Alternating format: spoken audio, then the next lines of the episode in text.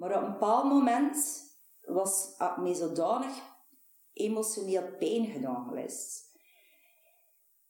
Dan zat ik eigenlijk in een fase waar ik iets aan van...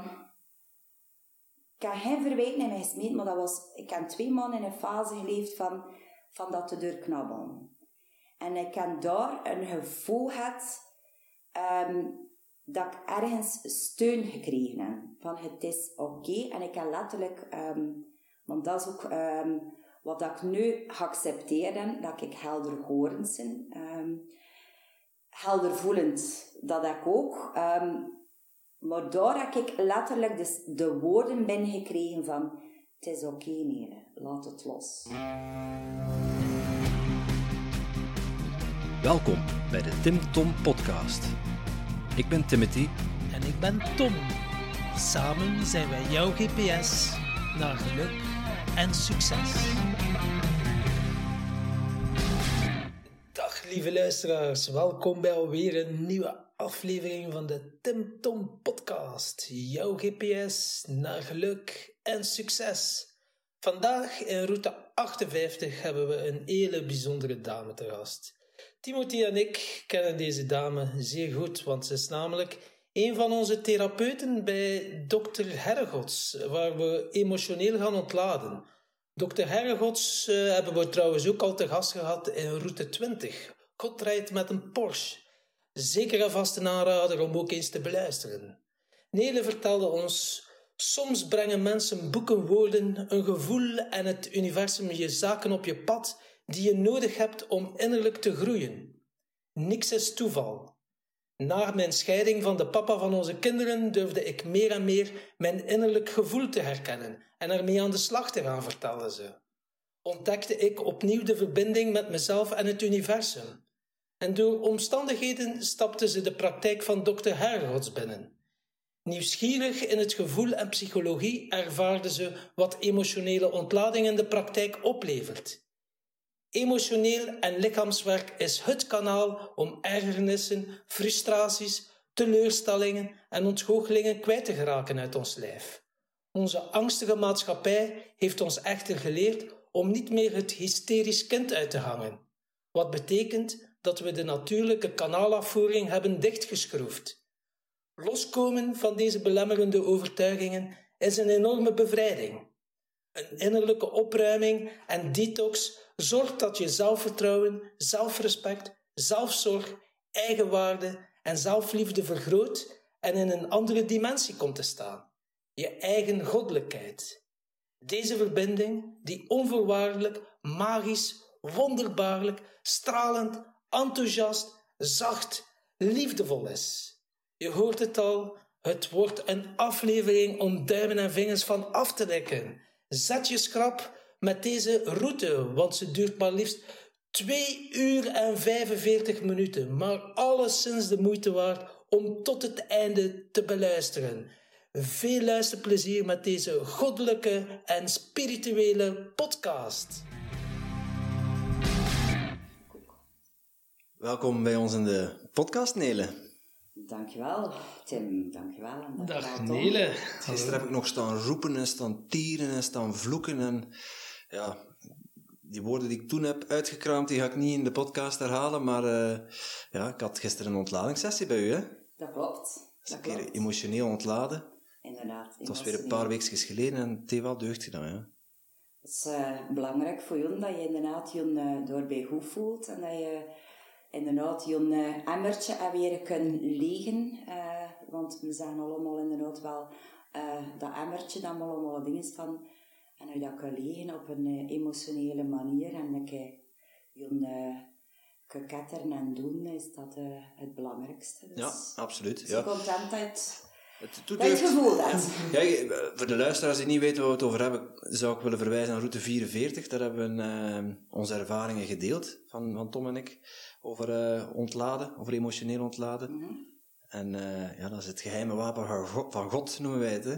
Ja. Van uh, Dr. Tom Hergots, ook te gast geweest bij ons in de podcast. Mm -hmm. Route 20, denk ik. Ik zou het niet weten, ik heb aan God ja. moeten vragen. Ja, ja en, en sindsdien ja, geboeid door wat, wat, waar Tom mee bezig is. Mm -hmm. Tom was geboeid waar wij mee bezig waren. En ja, zo is dat ter sprake gekomen en zijn wij bij de praktijk terechtgekomen. We hebben verschillende ontladers of coaches, of, of hoe, hoe noemen jullie jezelf? Wij noemen ons eigenlijk, um, onder elkaar noemen ons ontladers. Maar eigenlijk uh, met een mooi woord is een dynamische medi meditatieve technieken. Dat, we eigenlijk, dat is eigenlijk dus gewoon een naam. Maar ontladen is uh, eigenlijk... Uh, dat beter de lading, ja. ja. Vind ik ook. Dynamische meditatieve technieken, oké. Okay. Mm -hmm. En... Uh, kun, je, kun je ons, want we hebben onze ervaringen gedeeld, maar we hebben ja. natuurlijk niet de techniek erachter en uh, het hele idee van ontladen. We hebben dat proberen uitleggen in onze eigen woorden, maar uh, het is misschien wel tof om dan een keer van een, ja, een practitioner te Mhm. horen, hè? een professional. Um, ontladen is eigenlijk een stuk terugkeren naar jouw eigen natuurlijke uh, systeem dat je eigenlijk meegekregen hebt van moeder natuur. Um, ik maak altijd de vergelijking met een uh, kind van 2, 3 jaar, waar dat je een ja tegen zegt, van mama mag ik plopkoekjes hebben. Uh, geef je ja, dan is dat kind zeer enthousiast, yay! Uh, maar zeg je een nee, dan ga je heel vaak een kind hebben die zich laat neervallen of die inderdaad roept en tiert en schreeuwt en schopt en, en, slaat. En dat is eigenlijk wat dat in een klein enkel doet met zijn energie, is gewoon frustraties ontladen. En dat hebben we eigenlijk meegekregen. En dus is dat eigenlijk terugkeren naar ons innerlijk kind of naar ons kindsysteem van... Um, ja, ik zit hier met ergernissen, ik zit hier met teleurstelling, ik zit hier met ontgoocheling, ik zit met frustraties. Uh, om dat inderdaad op een gezonde manier te kanaliseren. En dat je emmertje geledigd wordt op een simpele manier. Dus, dus wat een kind van 2, 3 jaar oud doet, als het zijn goesting niet krijgt, uh, dus roepen en tieren, ja. dat is eigenlijk het emotionele ontladen. Dat is het emotionele ontladen. Dus je adviseert ons om, uh, als je emotioneel wilt ontladen, om in de supermarkt, als je een telefoontje krijgt van je baas en je krijgt je goesting niet, om daar in de supermarkt op de grond te gaan rollen en blijten en schreeuwen. Je zou dat kunnen doen. Alleen, gaan we dat niet doen. En vaak is het gewoon ook omdat we um, niet wel geconfronteerd worden met onze angsten, of met de oordelen, of met de kritiek die we gaan krijgen. Maar eigenlijk, volwassenen we dat niet doen. Uh, ik herinner mij dat we deze week een meneer had in de Aldi, toevallig in de, in de, dichtbij waar ik woon, in Veurne, die hij Jonahald zat. Hij is gefilmd geweest, maar eigenlijk is dat puur frustratie ontladen. Maar in onze volwassenenwereld, uh, elkaar verwitten en uh, frustratie spugen naar een ander, ja, dat is not done. Die meneer had dat best gerust een keer kunnen roepen en tieren voor zichzelf, maar niet frustratie gaan, gaan spugen aan een ander, want daarmee ga je eigenlijk respectloos omgaan met mensen die wel hun werk gedaan hebben, maar die druk hebben en bla bla bla. Ja, eigenlijk moet je dan politicus worden, ja. daarbij zeggen. Ja. ja, dat klopt. En is uw ontladen binnenin zonder lawaai te maken, lukt dat? Of is dat... Uh... Er bestaan inderdaad ook technieken voor uh, te ontladen dat je geen lawaai maakt. Dat bestaat ook. En dat is ook wel iets dat we inderdaad meegeven als een techniek. Um, en dat is vaak met ademhaling. Ook een ademhaling is eigenlijk het kanaliseren van, en dat is dan een keer de spanning dat je eigenlijk een en emmer voelt van frustraties, ergernissen, is spanning, is stress. Als je al die spieren een keer opspant en adem vasthoudt en dan zachtjes weer adem los en spieren los, dan maak je helemaal, maar je eigenlijk aan het bewegen van um, de stress. En dat is ook een, een vorm dat we eigenlijk meegeven in de sessies dat we er meegeven van. Er bestaat zo'n uh, technieken en er bestaat ook uh, technieken dat je in een handdoek wringt, dat je zegt van godverdomme ik wil deze kop om het. Dat is ook een vorm van uh, wat ons nodig. Ik ga iedereen maar uit van een sessies bij ons te komen volgen, dat is dan een keer kunnen ervaren wat dat is. Maar het is zowel verbaal als non-verbaal. Ja. Zit daar een, idee achter van die combinatie? Het is een, inderdaad een, uh, een idee van um, zoek maar naar alle mogelijke manieren die jou als kan helpen. En ik noem dat persoonlijk ook de E EHBO. Uh, en een EHBO voor eerste hulp bij ongevallen, als je plakkerknop doet of dingen. Maar bij ons, het emotioneel, is het EHBO, dat is eerste hulp bij ongemakken. En dat is eigenlijk emotioneel zijn ook ongemakken. Als je frustraties ergens zijn dat ongemakken. En hoe ga je daarmee om? Dus maak maar je eigen EHBO-koffer uh, met welke technieken dat je allemaal kan gebruiken. Is dat een sloom met een handdoek, of is dat een vriend in een handdoek, of is dat een duim tegen de muur, of is dat je ademhaling, of is dat een keer goed kloppen op je, met een kussen op je bed. Allee, dat maakt mij eigenlijk niet uit, maar we geven een aantal technieken mee en het is aan, aan Junder die moet gaan ervaren wat helpt er min eigenlijk zeer goed. Um, dus dat is eigenlijk... Uh, dus jij, bent, dus jij bent erin opgeleid en uh, nu vraag ik mij wel af, hoe ben jij terechtgekomen om ontlader te worden? Want als je op internet zou zoeken, uh, ja, je vindt geen opleiding om emotioneel ontlader te worden. Um, het is eigenlijk een, uh, een verhaal die erachter zit. Mijn persoonlijk verhaal erachter is eigenlijk... Wij zijn ook ervaringsdeskundigen. Um, dus uh, wij hebben eigenlijk zelf het traject gevolgd bij een dokter. Dus mijn verhaal is eigenlijk um, mijn toenmalige vriend, waarmee ik een relatie had, um, ging bij de dokter. Um, op uh, ergens een stukje bewijzen naar min van uh, ik wil toch aan de relatie werken. Met relatietherapie. Uh, relatietherapie. Um, dus hij was dan mee gestart voor zichzelf, maar een stukje ook in, in relatie, voor uh, aan te tonen dat hij de relatie wilde aan werken. En ik was daar uh, een keer een, gevraagd van, ga je mee naar de dokter? Mijn bedoeling was van in de wachtzaal te blijven zitten, totdat ik hem gedaan aan de sessie. Maar ik werd meegevraagd door de vriend van, ga je mee naar binnen? Um, en eigenlijk daar, ehm, terwijl dat we daar waren, was er plots tussen ons een discussie. En ik voelde mij door eigenlijk in die zetel bij de dokter toen zo naar beneden gaan in die discussie. Ik voelde mij zo klein worden. En dan dacht ik als ik kwam van, dat klopt toch niet? Dat klopt toch niet dat ik hier in een discussie mij zo ineen ga gaan krimpen. Um, dus ik stelde mij er eigenlijk wel vragen mee van.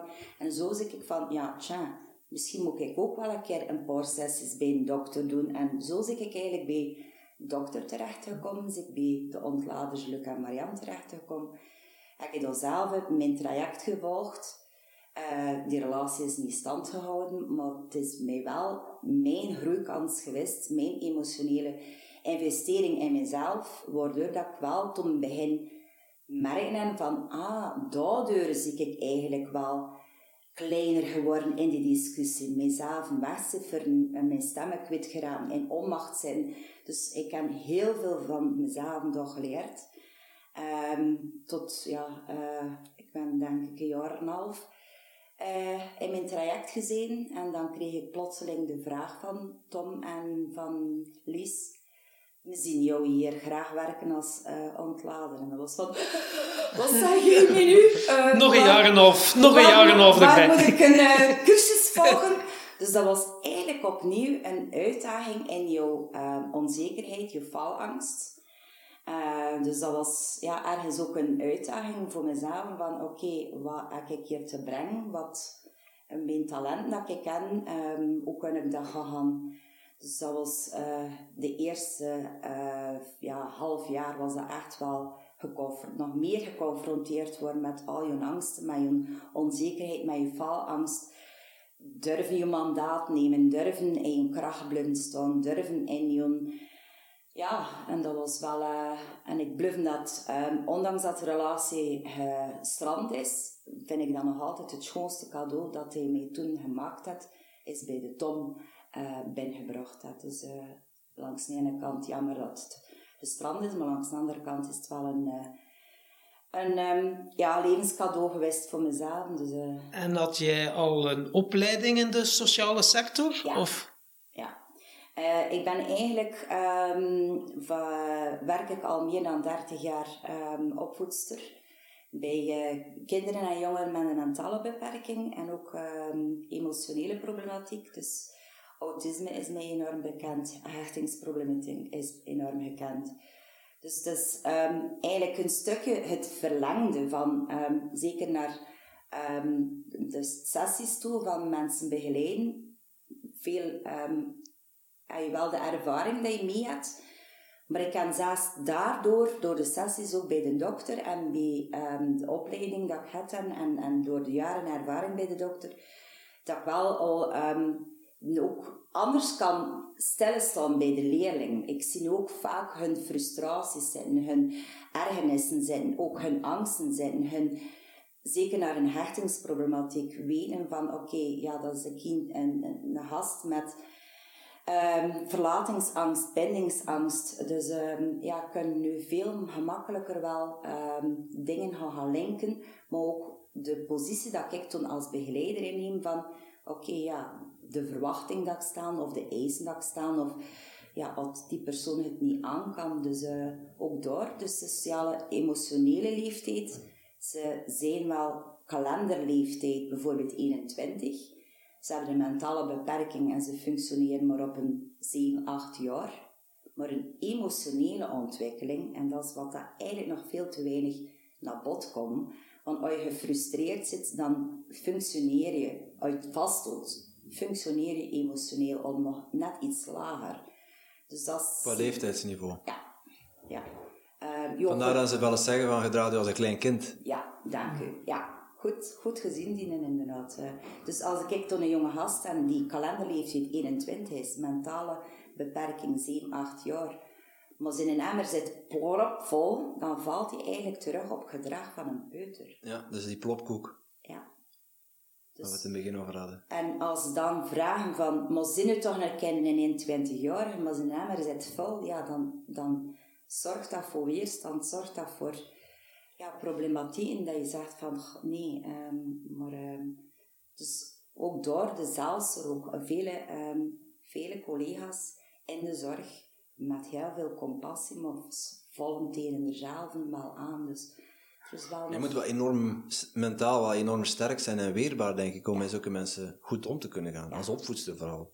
Want ja, je krijgt dan wel de, de lastige gevallen, neem ik aan.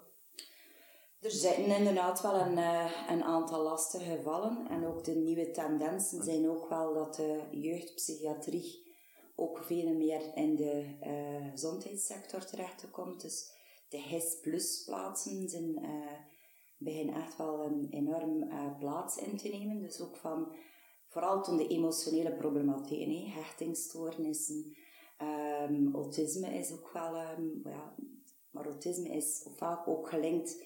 En dat is ook een wat ik um, in, mijn, in mijn leven ook zelf ervaren heb. Wat is precies autisme? Dus, het is een containerbegrip, hè? Ja. Want ja, er valt van alles onder, ja. Dus ook van daaruit bij de dokter heb ik ook heel veel dingen geleerd van wat is nu precies autisme? Um, dat is wel een label, maar eigenlijk kan je het verder gaan ontleden, is dat vaak angsten voor veranderingen, weerstand op veranderingen. Dus uh, ja, dichtklappen. Ja. Is dat dan iets wat je, wat je als opvoedster eigenlijk niet zou moeten meekrijgen op, ja, op school, bij de opleiding of bij de vorming? Uh, want, als je met zulke mensen omgaat, is dat toch wel een belangrijk... Uh, hè, dat, zijn eigenlijk de, dat is een intrinsieke motivatie of een op, op onbewust niveau, hoe ze bepaalde gedrag vertonen. Uh, als opvoedster kun je daar toch wel een groot voordeel mee uithalen als je, een groot voordeel uithalen als je die kennis hebt en beheerst. Daar zeg je in heel gewoon iets. Um, ik heb heel veel vormingen ook van mijn werk wel meegemaakt um, en meegekregen en heel interessant ook. Maar je blijft ook nog altijd, um, hoe sta je als persoon, als opvoedster in eigen emotionaliteit? Dus hoe, um, hoe weer veerkrachtig zie je, hoe zelfzeker zie je, hoe mijn eigen, um, vergeet ook niet dat we, we zijn inderdaad wel, ons beroep is wel opvoedster, maar hoe sta je ook krachtig in het leven, buiten het werk? Um, hoe ga je zelf om met je problematiek?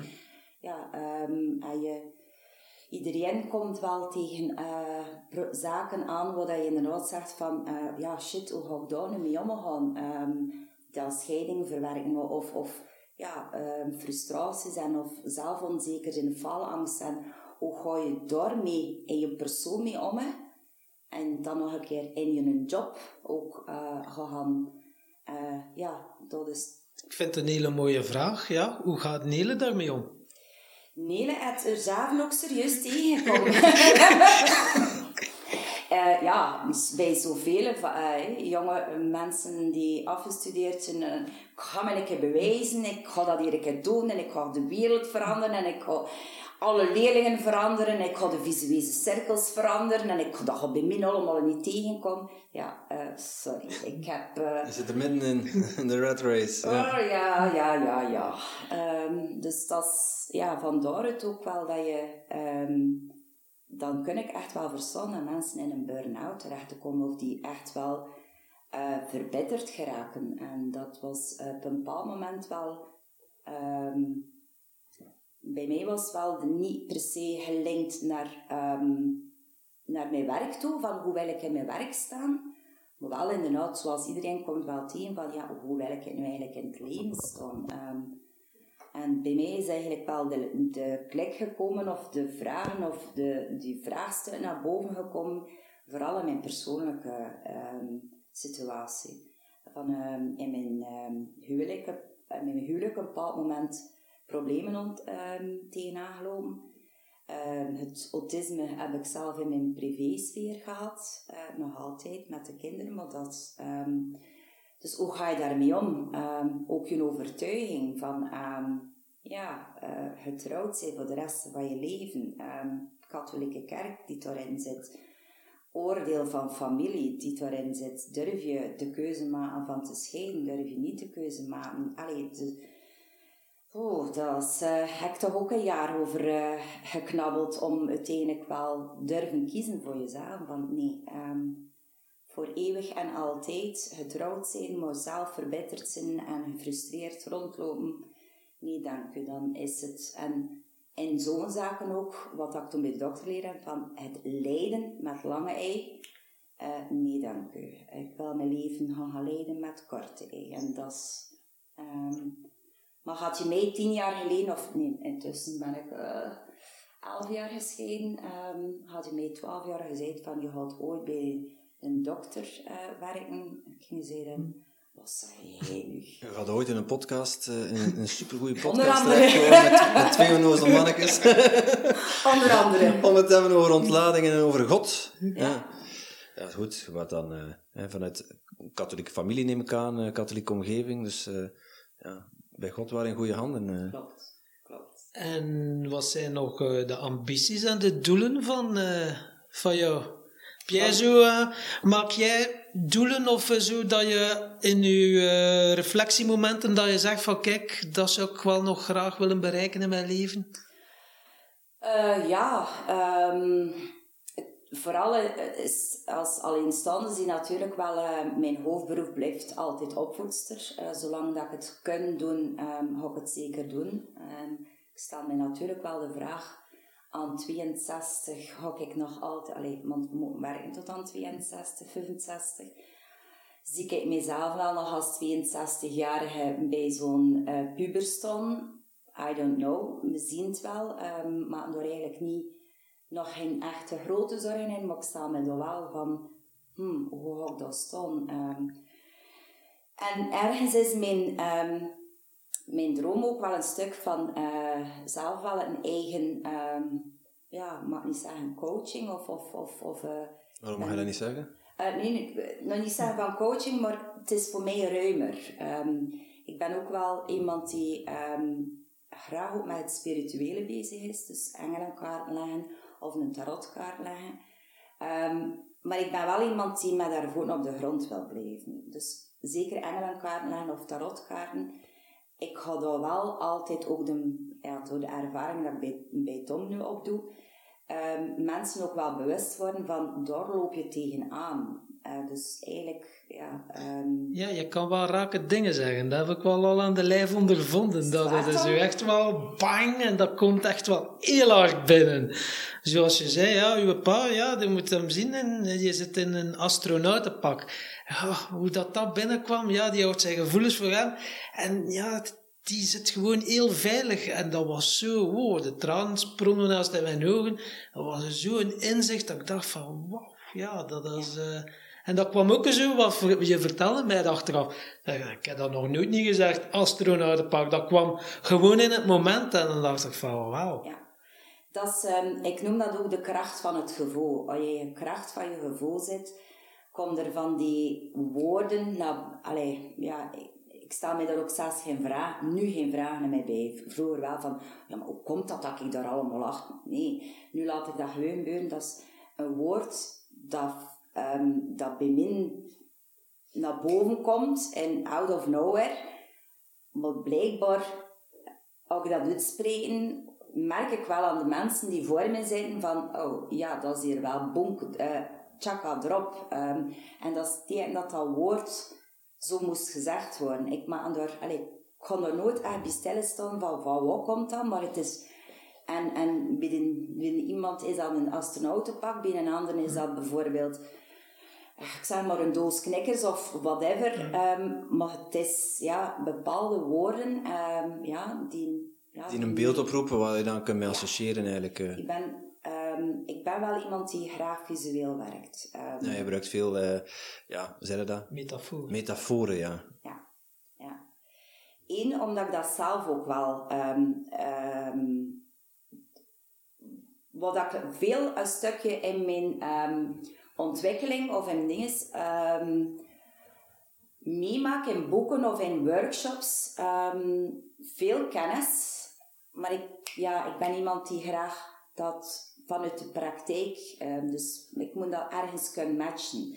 En voor, ehm, voor mij moet het ook vaak duidelijk zijn. En als het mij raakt van binnen en met metaforen, ja, toen, toen weet ik van oké, dat zit hier juist, dat zit hier. Ja, Dat dat is ook de taal van, de van het onderbewust uiteindelijk. Hè? Beelden en emoties. Hè? Eh, en ik hoor nu zeggen van ja, coaching, hoe zot zou het zijn mocht eh, Tom zijn eh, opleidingsinstituut hebben dat je mensen kunt opleiden voor emotioneel ontlader te worden. Want het is eigenlijk wel jammer dat dat enkel maar in West-Vlaanderen momenteel maar is dat je dat kunt doen. Ehm, Tom is daar inderdaad wel een stuk mee bezig van oké, ehm, het kindje mag ehm, groter worden en mag nu ook zijn mamatjes en zijn papatjes hebben en zijn kindjes hebben. Dus eh, ja... Is een opvoedster. hè. Oh, dat is wel goed. Gezien, ja. Ik vind dat wel tof.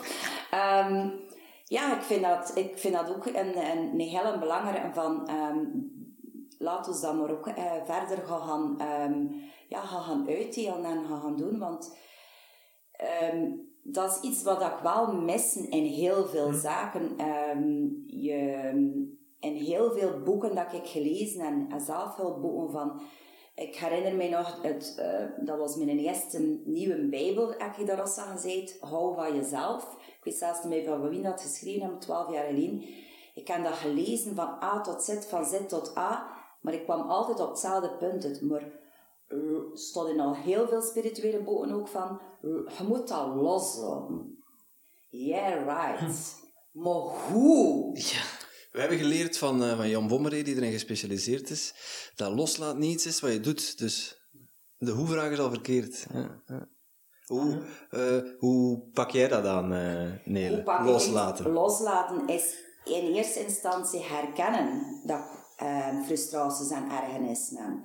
Durven toegeven aan jezelf van, ja, ik ben teleurgesteld, ja, ik ben ontgoocheld. Want veel mensen en, eh, komen ook uit een generatie dat ze moesten zwijgen. Vooral ik. Dus de keelchakra, ook een beetje een spirituele, ja, keelchakra, dat zat bij mij vaak pot toe, krop in de keel. Ja, oké, als je dat allemaal durft benoemen, dat jij dat hebt en dat je dat voelt, en dat je meugd nu gaan, gaan spreken, dat je nu een leeftijd hebt, dat je niet meer het kleine kind zit die moet luisteren naar vader en moeder en dat je moet zwegen, dat je nu wel een leeftijd hebt dat je van, oké, van ik meug dat hier gaan benoemen aan mezelf, van, ja, ik ben teleurgesteld. Dus van, als je dat al durft doen, ja, zie je al een stuk begin, zie je in actie. En als je het nog een keer benoemt, omdat dat je allemaal van binnen vasthoudt, dat je kwaad zit en die een godverdomme, ja, in de eerste keer durven zeggen godverdomme, was, was al een grote van, uh, mag dat niet zeggen van de katholieke kerken? Ay, mag dat niet zeggen van vader en moeder? Wat gaan de mensen maar niet zeggen dat je, ja, daar begint het al. ehm, ja, dat je het stuk al tegenhoudt door overtuiging. En dus als je, voor mij was dat een enorme grote van... Ik heb dat benoemd, eindelijk. Moet dat hier een keer benoemen. Ehm, en toen begin je inderdaad wel... Dat je daarmee aan de slag gaat. Ja, voor mij was dat van oké. ehm, ja, ik voelde dat echt wel... Ik herinner mij nog een, een sessie dat ik ooit een bij... ehm, bij Marianne meegemaakt, dus mijn collega, maar ik word zelf nog cliënt. Ehm, van er inderdaad op die poefte te, te slaan en te roepen en godverdomme te zeggen. En dat was, een bepaald moment voelde ik echt in een krop in mijn keel loskom, alsof dat, dat een colafles was die opensprong. En, Alles eruit. Ja. en dan dacht ik ik van... En eh, wenen, wenen, wenen en schreeuwen vanuit mijn diepste ziel. Maar dat die sukken deugt. En ik had zoiets van... Wauw. En dat was van dat gevoel van... Ja, het is oké van dat allemaal een keer te zeggen tegen jezelf. Maar vaak gaan we onze frustraties gaan, gaan spugen. Ja, Tim, had dat wel niet goed gedaan, hè. Ga me wel een beetje... En zo raak je eigenlijk... Ja, dat, dan is hij al bezig met een klein gevecht, want we gaan schuld verleggen. Ja, en dan... En ik ga dan in de verdediging. Ja, Ik krijg een repliekje terug. ja, Dat zijn meestal geen vriendelijke woordjes die je dan terugslingert. En, eh, En dan het hek is ontstaat van de een, dam. een Ja. moddergevecht. En eigenlijk zijn we elkaar zo zeer aan het doen, ehm, nog meer zeer aan het doen, nog meer kwetsuren aan het maken. En dat is niet wat dat het goddelijke eigenlijk van ons, het universum van ons wilt. Dat we elkaar zeer doen, dat we elkaar... Ja, Ja, uiteindelijk, alles is licht en liefde. Ja. Uiteindelijk. Ja, dat goddelijke, dat heeft, Tom heeft daar een heel duidelijke visie op. Hè. Hij zei tegen ons van, eh, ja, mensen, stop er een keer mee, denk een keer na. Hè. Waarom zetten iets wat groter is dan uzelf boven u? Ja. Zeg, jij moet er staan, je moet er zelf staan. En het ervaren inderdaad, want we zijn een deel van het universum. Dus het goddelijk zit gewoon in ons.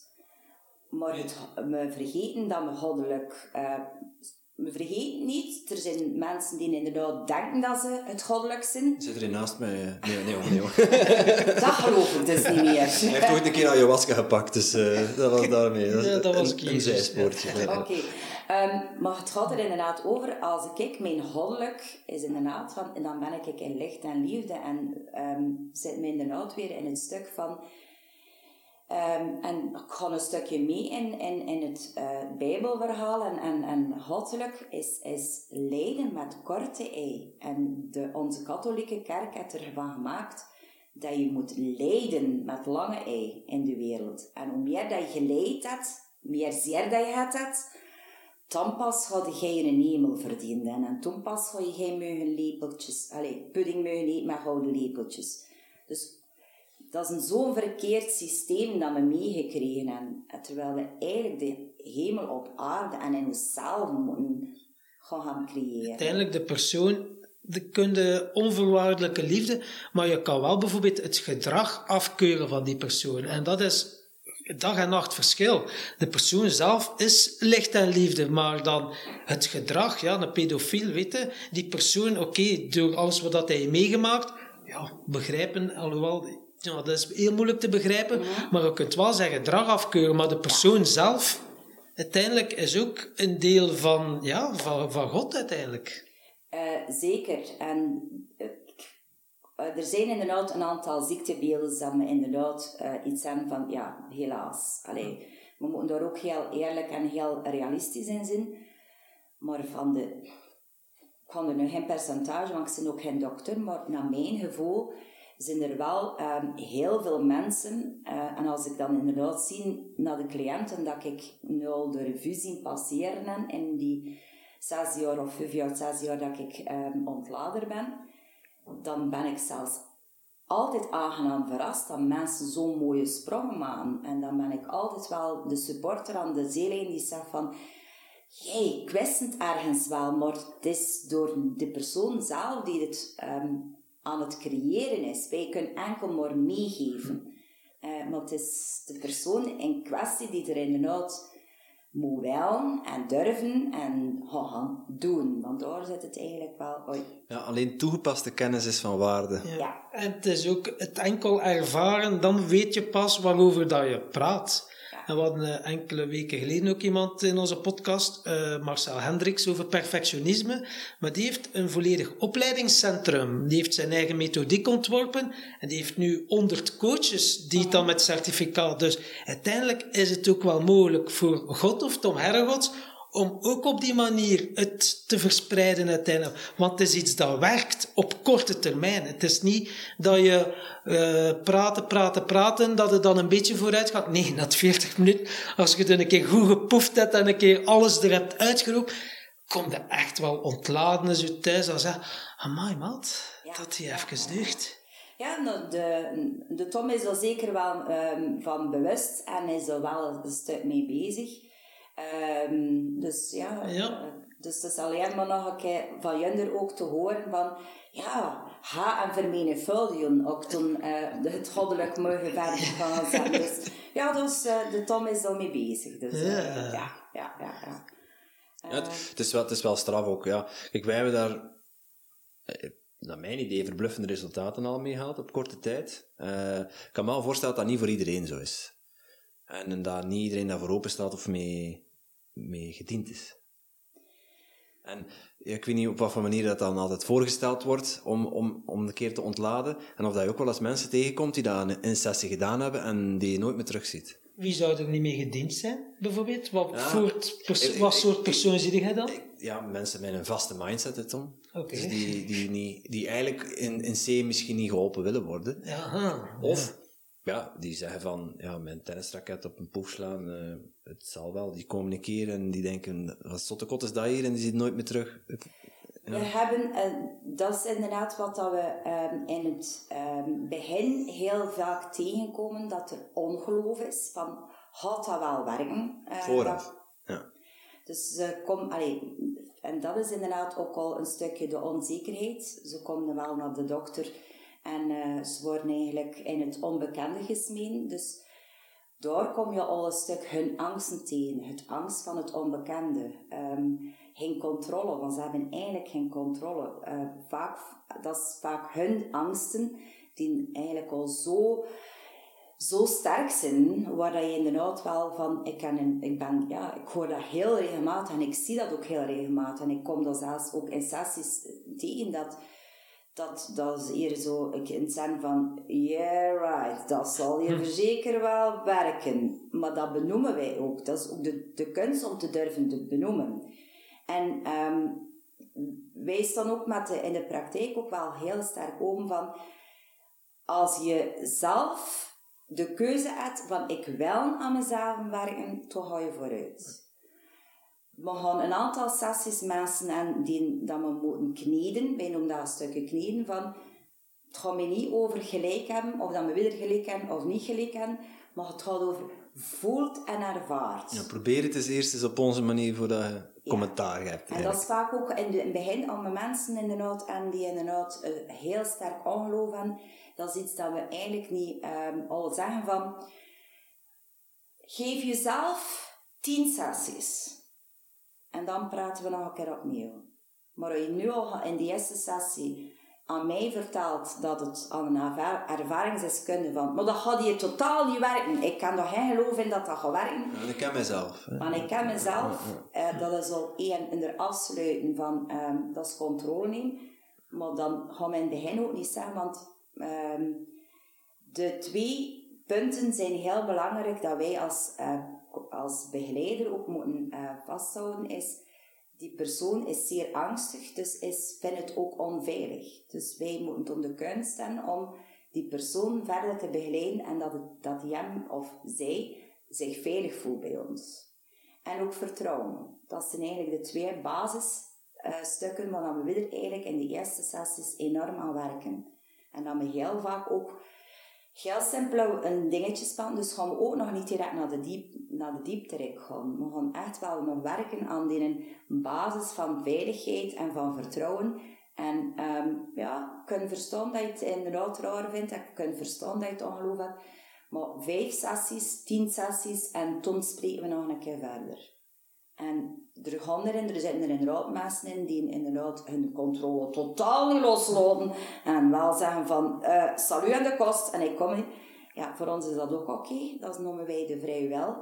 Maar dan zeggen we er ook van, het is dat je nog niet genoeg zeer hebt. En dat wil zeggen dat ze er eigenlijk nog, juist nog veel meer gaan moeten struikelen, totdat ze...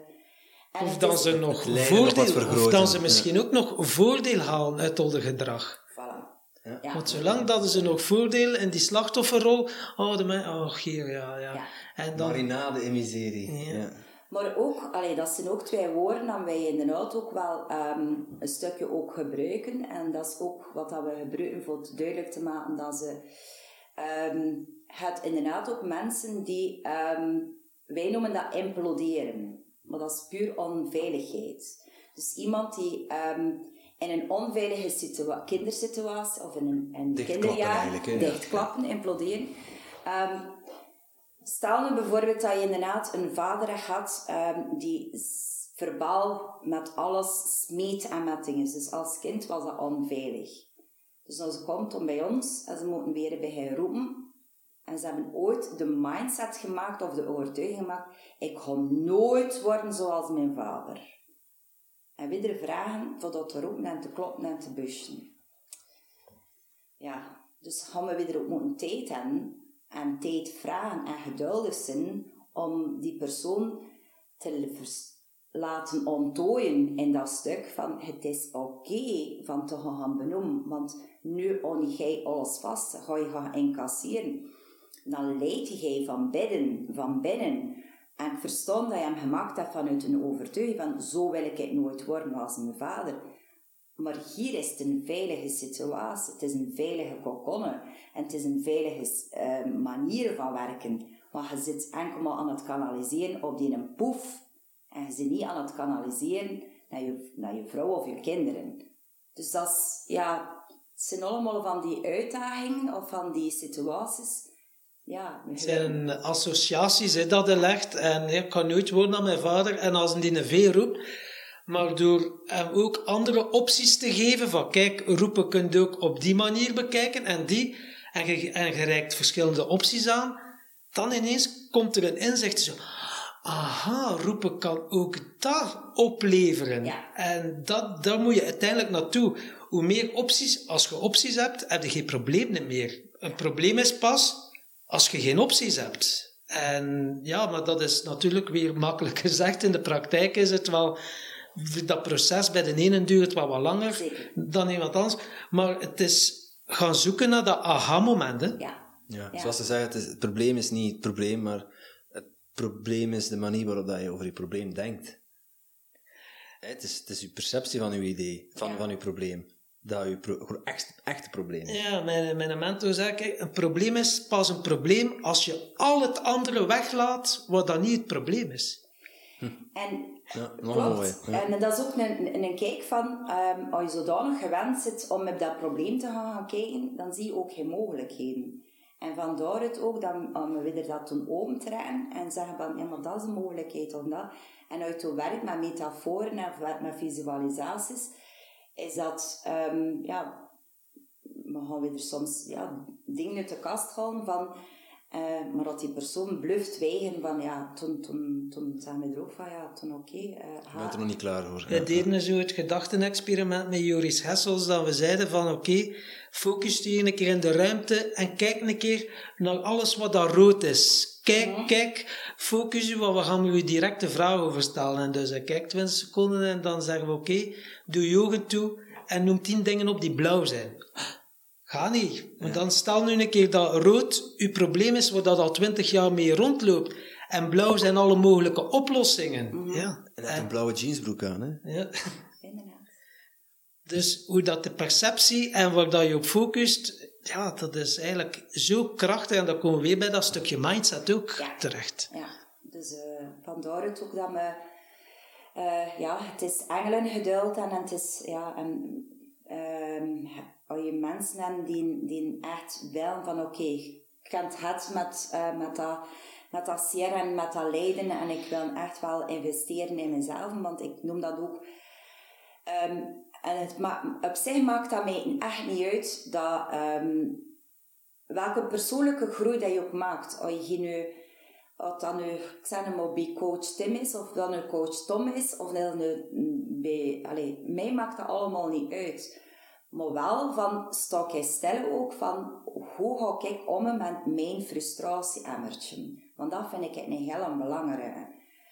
Um, als je nu, ja, als je niet naar je falangsten gaat en als je niet naar je, je angsten van verlies gaat of verlatingsangst, als je daar niet naartoe gaat, ga je altijd blijven strukkelen. En je mag je toen nog duizenden workshops volgen en je mag je toen nog duizenden coaching sessies volgen, maar als je niet durft naar je eigen angsten gaan, ja, dan... Uh, we moeten doorheen, zei, uh, zei Tom tegen ons. Ja, moet je jezelf confronteren en er doorheen door je angsten. Je moet er echt doorheen gaan. En dat is wel, ja, dat moet je wel durven, denk ik. Ja. dat... ja.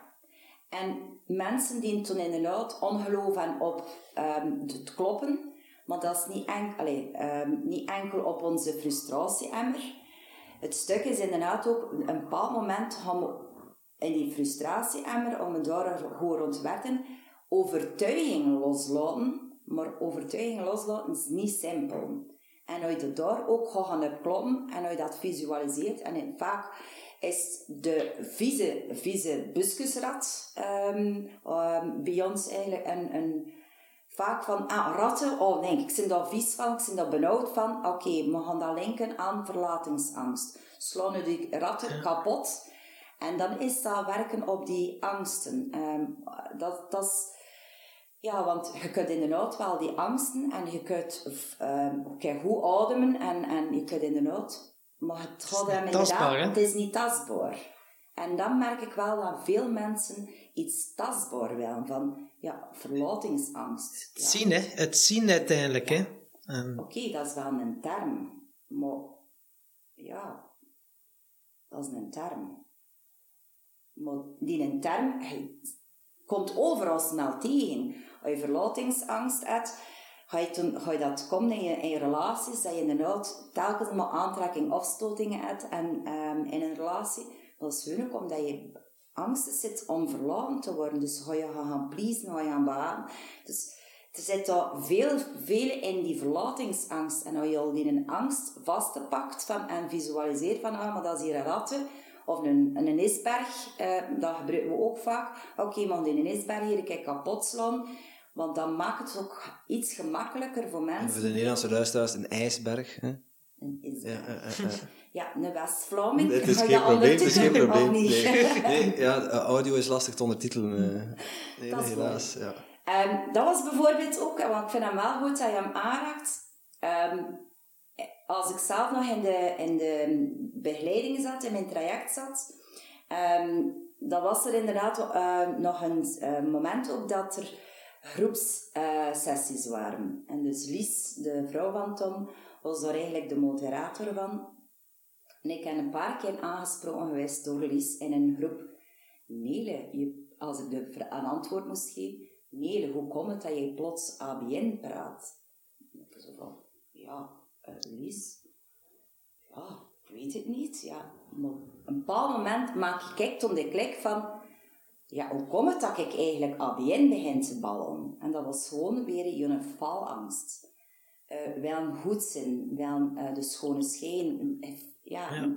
perfectie wel een zin. Terug dat rolletje. Ja. En dat was zo van, wam, oké, okay, dankjewel uh, Lies. Dus ook ik nu meer in mijn West-Vlaams in dialect babbelen, is dat omdat ik goed in mijn vrouw West-Vlaamser, hoe meer dat je in je element Hoe authentieker. Hoe authentieker dat je zegt. Dan, dan, dan, zitten we in een authentiek gesprek, denk ik. Ja, dat denk ik ook. Ik voel dat zeker en vast. Uh, ja. Je, je, had het, je had het net over, over lijden, over lijden met een lange ei, lijden met een korte ei. Mm -hmm. um, maar wat zijn nu volgens u de, de eigenschappen van, van, een, van een goede leider? Uh, voor mij Iemand die um, een leiderschap met uh, korte ei is echt wel iemand die um, weet wat dat hij kan en weet wat dat hij niet kan. Dat vind ik een heel belangrijk. Maar ook die weet van, um, als ik iets wil bereiken, ga ik ook moeten leren samenwerken. En ga ik ook moeten kunnen delegeren en kunnen mensen aanspreken van, oké, eigenlijk wil ik naar Hunter gaan, wil ik dat gaan bereiken. Mijn doel is dat. En ik ken eigenlijk wel mensen rond mij nodig. Ehm, voor mij is dan, maar ook wat je vertrouwen in hebt. Van ik heb vertrouwen in je kwaliteiten. En zo bouw je eigenlijk wel ehm, verder naar je doel als leiderschap. Ehm, ik vind dat eigenlijk wel overlaatst op mijn werk eigenlijk als opvoedster in de voorziening waar ik werk, willen ze eigenlijk iets nieuws introduceren. Ik vind dat eigenlijk wel een heel mooi stuk. Het is een heel grote uitdaging, want we zijn ook een hele katholieke uh, instelling, dus we zitten nog met een hiërarchie um, die van down naar top gaat, allee, van eigenlijk van top naar down gaat, dus maar eigenlijk willen ze dat systeem. En dan noemen ze het systeem eigenlijk de herder en de herdershond is eigenlijk een herder die alles bewaakt en dat zijn frustratie, blaf, blaf, blaf, Eigenlijk willen ze daarvan afstappen. En uh, er bestaat dus inderdaad een boekje, De Imker en de Beetjes. Ik weet niet wie dat geschreven heeft, maar dat is nu wat... Uh, ik vond dat wel heel mooi, want eigenlijk gaat erover dat de imker is eigenlijk de leider met korte ei. Zijn beetjes um, laat honing maken. En dat is eigenlijk het uh, leiderschap dat je eigenlijk uh, geeft. En dat je een imker wil dan dat uh, honing wat meer lavendelsmaak heeft, ja, toch had hij moeten zijn bijenkastje bij de lavendelveld gaan zetten en dan wordt dat een beetje. Maar ook die een imker die in de haan houdt van is de honing wel goed en hoe kan ik, um, dat is ook een vorm van coaching, op een warme manier gaan, gaan coachen van, ja, en ja, hoe ga ik daar dus dat is eigenlijk nu een nieuwe tendens die komt. En eigenlijk vind ik dat wel goed. Zoals Steve, Steve Covey zegt, met de kip en het gouden ei, dat er een boer was. En uh, in één keer legde zijn kip elke keer een gouden ei. Mm En ja, een duur zag hij enkel het eindproduct en dacht hij van, oh, en is niet de kip open.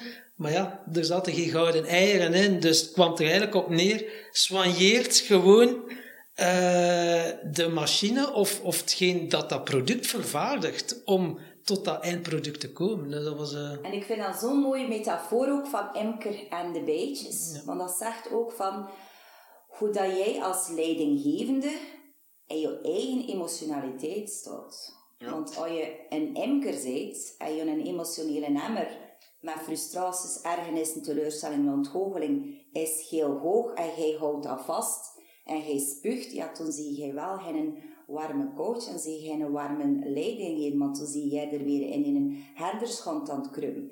Je gaat je bijen wegjagen zelfs. En ja, je moet ze met de nodige... ik ben geen imker, ik, uh, ik ga niet pretenderen dat ik er verstand van heb, maar ja, je bent met de natuur bezig. En je bent met bijen bezig. Uh, ik ben er zelf allergisch voor. Ik, ben er, ik was er vroeger doodsbang voor, om gestoken te worden. Maar die, die imker, die, die kan daarmee omgaan zonder dat hij gestoken wordt. Ja. Ze hebben wel een speciaal pak aan, maar... Uh, ik denk dat dat ook, um, Tom kijkt naar zijn handelingen... Ja, dat zal rustig, rustig en gedecideerd zijn. En is dat ook zachtmoedig. En ik, ik, er zit zoveel in, in, in dat beeld, waar dan men altijd van, ja, als hij zachtmoedig is en als hij gedecideerd is en... Ja, ja voor, en dan trekt dat ding eruit, er zit er nog een, nog geen honing in mijn ruitjes en ja, dan, dan maakt hij de boel kapot. En dat is inderdaad, want uh, zeggen ze ook altijd, als je niet wel gestoken zijn erbij, moet je er ook niet achter slaan. Dus wanneer ga je beginnen slaan? Als je angstig zit. Dus eigenlijk komt heel veel zaken terug op schrik en, en angsten en, en uh, ervan weglopen. En, uh, ja, en dat is wat dat je, denk ik inderdaad, dat is, vermoed ik de nieuwe tendens die gaat komen, dat we meer en meer moeten leiderschap nemen over ons eigen um, emotionaliteit. En hoe meer dat je leiderschap neemt en verantwoordelijkheid, want daar komt het een stuk ook opnieuw, hoe zachtmoediger dat we gaan zijn en hoe gemakkelijker dat we gaan leiding kunnen aan delegeren. Dus we gaan dus, weer naar een fantastische mooie wereld.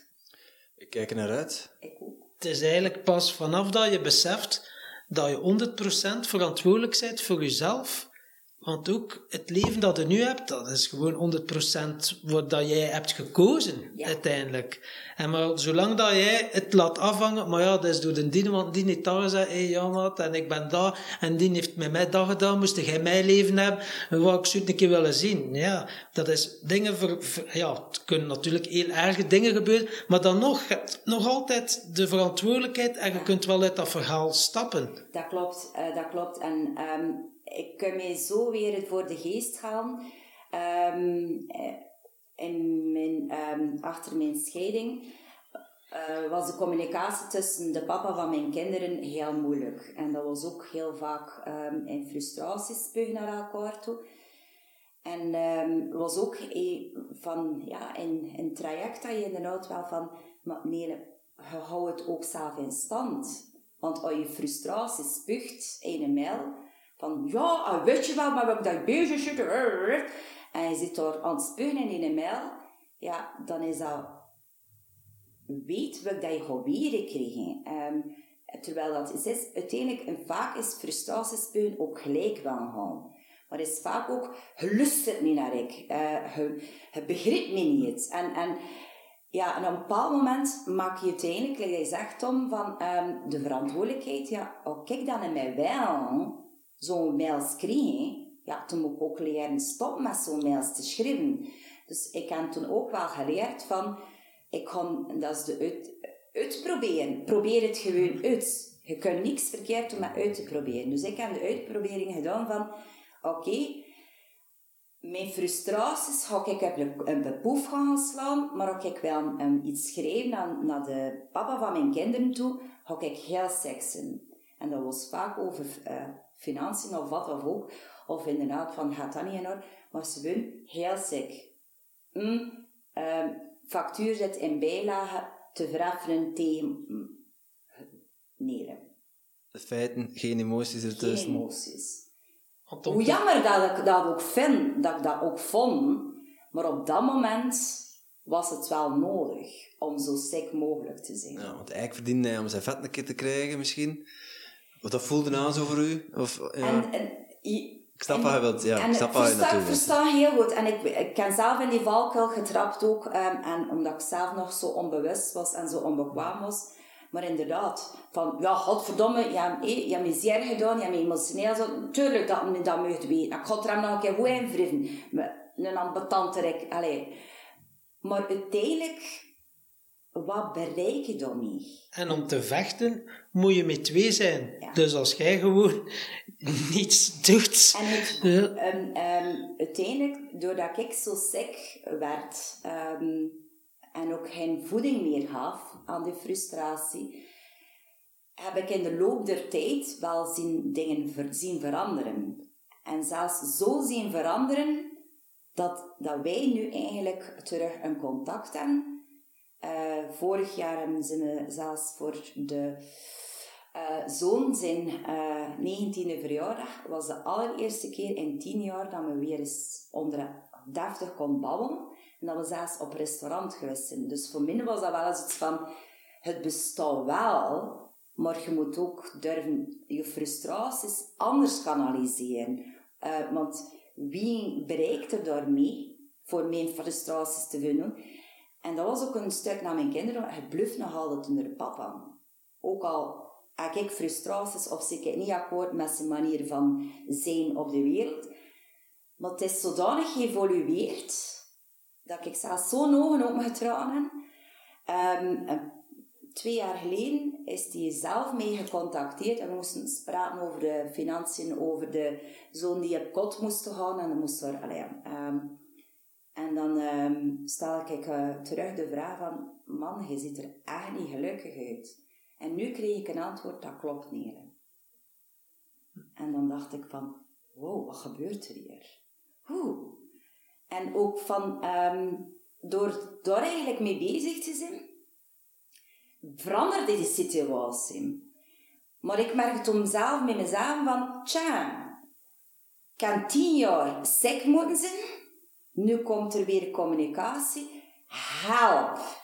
Dus ik, het is niet omdat ik uh, ontlader ben, dat ik hem hulp mee nodig heb. Dus bij situaties dat ik voel, oeh, kan hier weer inzicht nodig of kan hier weer hulp nodig, um, ga ik nu wel een aantal mensen, dat ik naartoe kan bellen en zeggen van, uh, ja, het is even weer tijd dat ik hier, um, ik heb weer kom ontlaan, of dat kan ook zijn, maar toch komt er weer zaken vrij, wat dan misschien, ja, het was, het was gemakkelijk, hè? Ja, het was tien jaar hetzelfde verhaal, seksen, um, maar plotseling komt er daar een verandering in ja, uh, hoe ga je daar weer mee om? Ga er mee om, hè?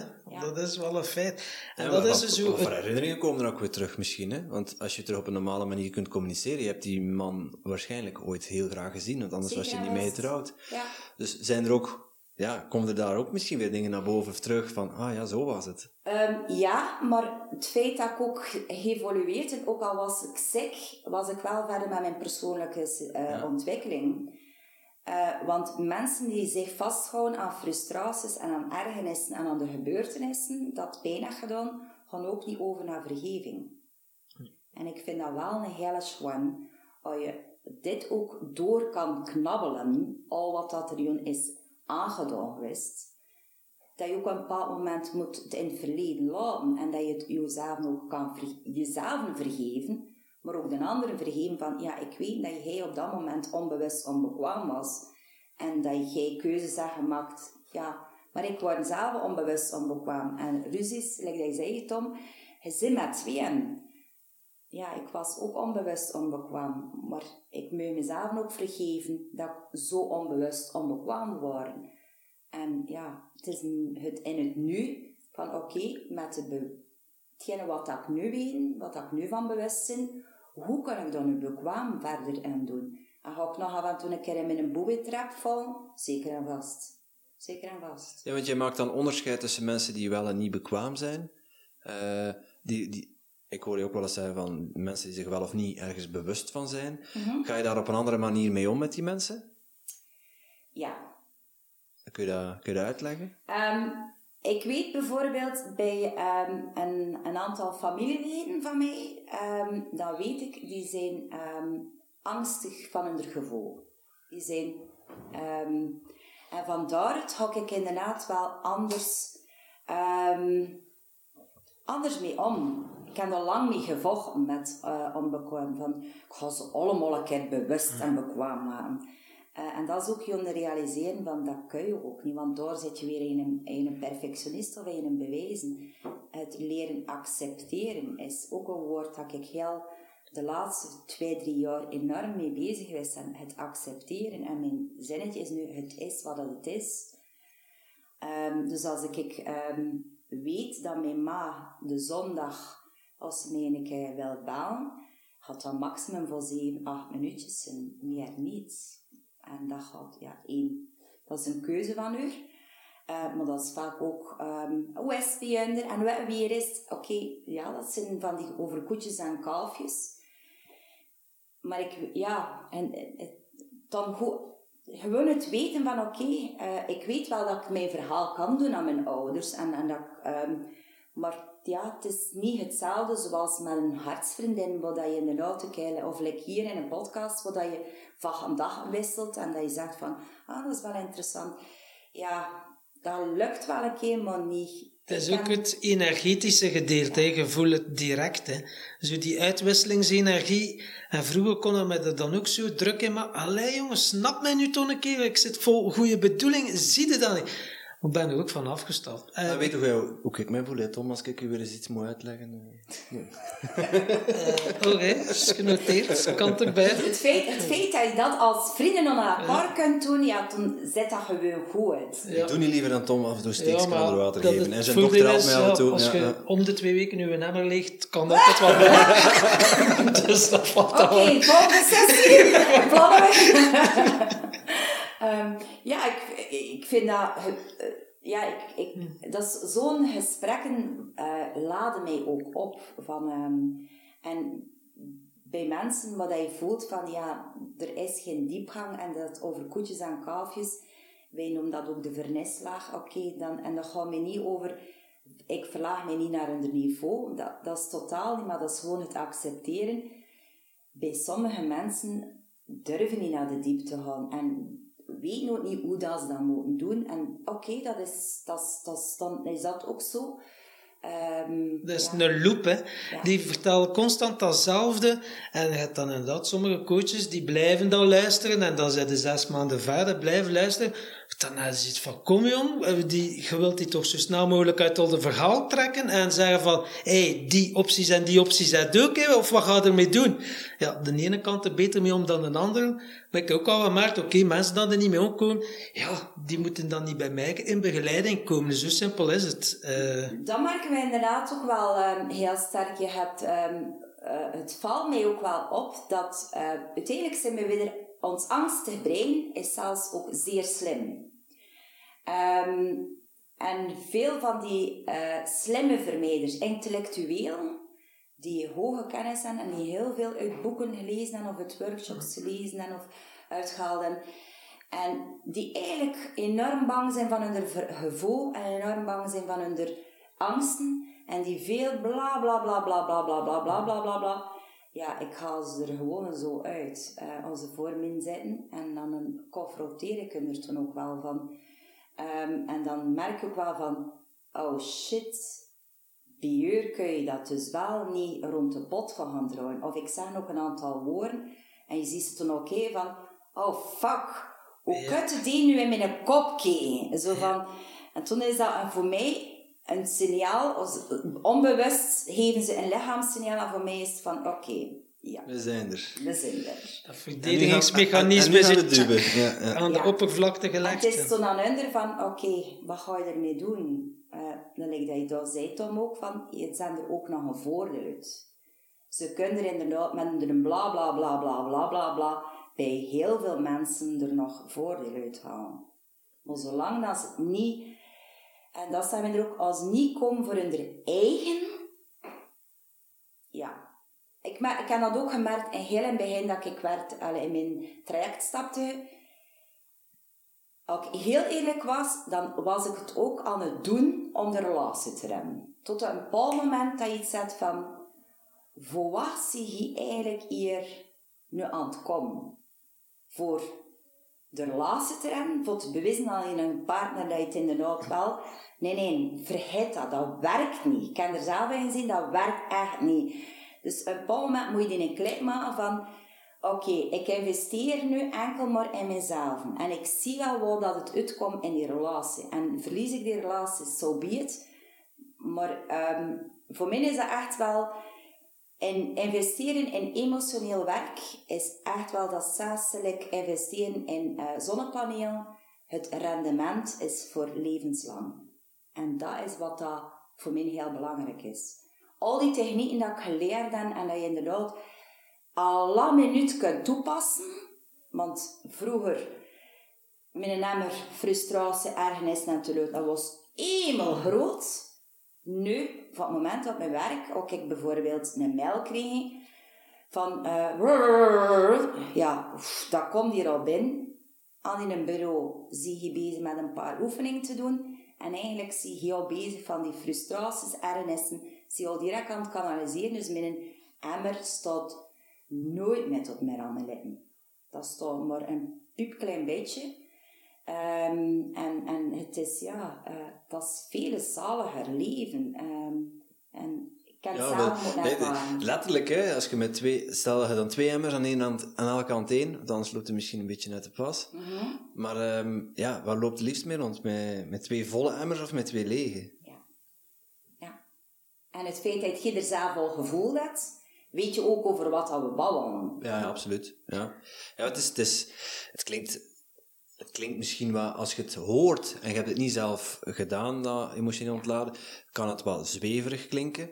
Het kan wat oh, bullshit of kan dat nu met een, poef op, met een tennisracket op een poef kloppen, eh, wat gaat dat mij helpen, wat gaat dat mij brengen. Maar ja, het is niet op die moment zelf.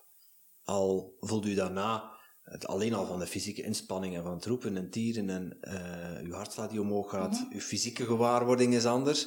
Dus je gaat ook wel eh, de suggestie geven om met een goed gevoel naar huis te gaan. Hè. Dat werkt, dat werkt super. Maar het is ook blijvend voor de, voor de langere termijn. Ja. En het geeft u inzichten in bepaalde situaties. En ja, als er een keer iets binnenkomt, of een mail, of dat telefoontje, of eh, je, kunt het, je kunt het heel goed kaderen en, en zoals jij zegt, kanaliseren. Ja. Ja. Het is een nieuwe gewoonte dat je gaat ontwikkelen. Bijvoorbeeld als je frustratie voelt opkomen. Veel mensen gaan naar de ijskast of naar de koekenkast en gaan beginnen eten. Maar als je die een reflex kunt maken van, ah, ik kan hier ook even... Ah, en het er even uit, door die een reflex te doen, Ja. ja, ga je heel snel die progressie maken. Pas op, neem niet weg. Betrappen mijzelf ook nog op, maar ik ben al geëvolueerd. Vroeger Ah, ja, was het dus ook koken... op wat voor manier je jezelf betrapt. Hè? Is het jezelf op een beleefde manier betrappen of jezelf berispen als je, be- als je jezelf betrapt? Ja, het is dan pas achteraf. Vroeger was het dan wel ongezonde dingen. Nu is het, mm, eet ik nog een keer vijf rauwe wortels of Ja, zo. ja. Maar het mechanisme is hetzelfde. Ik kan dan mezelf al zeggen, ja, ja, maar dat is toch gezond, hè? En dan gaat het je eigen weer, maar uiteindelijk is dat fucking hetzelfde. Maar het- uiteindelijk, ehm berispen is niet altijd even slecht. Want ook dat is jouw innerlijk, een innerlijk, een innerlijk gesprek, zeggen wij dat tegen. Ehm, kijk, ook ik heb dan als het van, oké nee, wat allee, hoe komt het dat je dan weer zo ver? Want dat is constant op, en dat komt in verschillende vormen tegen. En hoe ga je je booby traps herkennen? En zit men een keer met een tien weer in een valkuil, oké. Maar dat is weer het innerlijk gesprek van jezelf gaan gaan bijsturen. Ehm, en daar zit het dan inderdaad ook van, in de plaats van in zelfverwijt en zelfkritisch te zijn en toen op je kop te gaan, gaan kloppen, want eigenlijk doen we dat allemaal. We kloppen, of het zijn er toch heel veel die kloppen op in de zaven van, wat een domme klotse kijk. Het ook die op de vrouw kloppen, maar... eh, dat, Oh, eh, ja, dat is een, een ander gegeven. Maar dat is ook frustraties. ik weet Misschien veel ja, meer een, eenzelfde systeem wat de grondslag ligt. Ja. Maar d- van daaruit ook in de plaats van in zelfbeklag en in zelfverwijt te gaan, of zelfkritisch te zijn, van ehm, weet van oké, ja, poeh, ik kan het een beetje langer laten zitten. Dat is, dat is een innerlijk gesprek in de plaats van eh, ja, zo oké, zo be it, heb dat een keer gedaan, oké. Eigenlijk dat moddergevecht wat je net omschreef, maar dan met jezelf. Eigenlijk is het gewoon, humor kan je veel wegrelateren. Want uiteindelijk, met al je problemen kun je gewoon lachen. Je gaat niet lachen met de persoon zelf, maar wel met zijn probleem. En, het- en uiteindelijk heb ik zoiets, dat was mijn mentor dat dat ook zei van, ja, als je dan toch in dat verhaal zit, maak het altijd het ergste wat dat er kan gebeuren. Ah ja, en dan nou mijn huis afbranden en dat en dat. En maak het erger, erger, erger. En op een keer, stop het. Kun je niet meer erger maken. En ja, en dan gaat het zo, gaat er om nu meer lachen. Het mij nu niet. En dat is wat dan we constant doen, dat verhaal. Maar dat kun je het ook dramatisch erg maken. Nou ja, oké, vastgepakt. Oh, vijf negers die mij vastgepakt zijn mij langs binnen en buiten gekeerd. En maak het maar erger en erger. Tot wanneer dat je het zet van, waar ben ik nu mee bezig? Ja. Eh, er zijn ook, ehm, ook durven kijken van eh, jouw eigen lichaamstaal. Like dat je zegt van, ehm, hoe, hoeveel mensen gaan toch niet naar de frigo, maar hoeveel mensen zuchten ook niet achter hun, hun computer als Oh, heerlijk, gaat en heerlijk. Van, oh nee, het is alweer, hè. Ja, als je gewoon al dat uitspreekt, zeg je al van dat je gefrustreerd zit. Ehm, er is al eens een keer, ik weet niet meer waar dat ik dat gezien heb, is dat nu op Facebook of whatever, ehm, een filmpje gezien dat er zo een klein boksballetje naast een computer staat, dat je gefrustreerd zit, zo, oh, ik heb die boksbal. Ja, mensen, dat helpt. Het is gewoon van, in de plaats van op die een boksbal te slaan, hoeveel sla gewoon inderdaad een keer met pak mijn handdoek. En maar dat gaat ehm, ook misschien over... ehm, zet een keer je muziek, vul een bak. Spring die een keer rond, like een, eh, een schud het eruit, stamp het eruit. Allee, hoeft niet altijd te kloppen zijn met een handdoek eh, of een- tennisraket. Maar hoeveel mensen gaan er ook niet gaan... ehm, ja, nu kunnen we niet met de corona. Headbanging. Kijk van... Ja, Fantastisch. Ja. Dat is ook kanaliseren van frustraties en ergens. Maar we eigenlijk niet duren dat we dat bezig zijn. We mogen niet, hè. Dat is het ergste. Ja. Naar die festivals wil ik dan. Ja, Ja, ja. dat Ja, bangen juist. wel thuis. Dat mag nog, maar... eh, Het, grote voor, het wel een voordeel aan corona is dat de kappers dan niet open zijn en dat je haar langer wordt. Dat, Ja, voilà. Dat het nog beter is voor headbanging te doen. Hooliganisme is net hetzelfde. Hoeveel mensen gaan ook niet naar een voetbalwedstrijd. Ze zijn eigenlijk niet bezig met de wedstrijd op zich, maar ze zijn eigenlijk aan het, aan het uitpikken van iemand waar ze gaan op kloppen. En dat is eigenlijk het kanaliseren van een hele week frustraties, ergernissen, opsporen. En we gaan een keer hoe gaan gaan jassen op die persoon. Een keer op die arbiter goed roepen, vuile zwart, uh, moeder is een puntje puntje. Voilà. En uh, ja, Dus eigenlijk eigenlijk gaan. hè. gaat het daar ook over, maar het goede als je echt als iemand gaat gaan uitzoeken, wat dat je te later van aan die ga ik vaststellen, kan je goed in de gaten, ik weet hoe dat je eruit ziet, ik weet mijn vest dat je net achter de match vindt, maar ik ga je nog een beetje kloppen op je. Dat ze weer frustraties leegmaken. Ik ken heel veel mensen ook al meemaakt, en bijvoorbeeld op mijn werk ook, ehm, wat dat ik ook vaak zie, onder, ze zijn geërgerd. Ze, sociale media, dat is nu enorm, Snapchat, en, maar oh wee, als je niet direct antwoordt. Hè. En, godverdomme, en die gsm vliegt ook. Ja, dat is allemaal frustratie. Ik heb gezien dat dit gelezen heeft, van er staat twee vinkjes bij. Voilà. En ze maar aan het, aan het hoeveel dan er toen ook niet met een vuisten tegen de muur gaan gaan slaan. Want dat is eigenlijk de pijn die je van binnen voelt, emotionele pijn. Als je met je tegen de muur, dat is kanaliseren van je maar liever de pijn in je, op je vuist, Dan dan de pijn hier van binnen. Automutilatie, juist van hetzelfde. Al wat je van emo- emoties, van Automutilatie. automutilatie. Kun je dat eens uitleggen? Dat is ja, je kerven, hè. dat is eh, je sneden in je armen en sneden in je benen. Zelfverminking. ja, ja. Dus dat is eigenlijk wat dat je van emotionele pijn van binnen voelt, kanaliseren, zelfs gaan gaan overgeven. Hetgene wat dat je hier voelt, liefst niet gaan gaan voelen. Dus dat is ook een vorm van vermijden, van, eh, van weglopen van, van hetgene wat dat je hier voelt. Dus er zit zoveel, er kan zoveel gedaan worden door inderdaad te roepen en te ketten om meer dat als terug normaal wordt gezien. Maar eigenlijk heb ik het meegekregen van bij de geboorte. Heb ik meegekregen, ja, een peuter doet het automatisch. Ploppenkoekje ja, ploppenkoekje nee. Ja, De dieren ook, hè. Als uh, zo'n impala's die achtervolgd is door een leeuw of zo en is toch niet dood, nee, ligt er even een keer alle stress uit zijn lijf sch- schudden en eh, die eh, huppelt weer gewoon verder, alsof dat er niets in de hand is. Ja. En weer dan, weer zijn toen het dier die eigenlijk de angst is, want die een klein van twee jaar, die op de grond in de winkel, de mama of papa of oma en opa van, ja maar je doet dat niet hè, sta maar op je voet, want wat gaan de mensen wel niet zijn. Ja, eh, angst van oordeel en kritiek, schaamte, baaf, allemaal meer, een leeftijd van twee jaar. Terwijl je enkel kijkt naar de energie, is in een kern van twee jaar enkel maar puur aan het ontladen. Ja. Dus dan is dat echt wel iets van hoe meer mensen dan die een techniek van ontladen doet, ja, is, is, is, Dat is ja. het beloningssysteem, hè. Van, oké, hij, wil zijn, hij wil ontladen, die emotie, maar hij is stil. Oh, goed manneke. Oh, hij is een braaf ventje. En Op mijn, op mijn werk als opvoedster ehm, ik, hebben bijna alle onze collega's, dat is een hele dure vorming, eh, ik vind het nog altijd fijn dat we mogen volgen van de directie. Eh, maar heb er ook een, met een certificaat van LSCI noemt dat. En dat is eigenlijk Life Space Crisis Intervention. Dat is iets Amerikaans.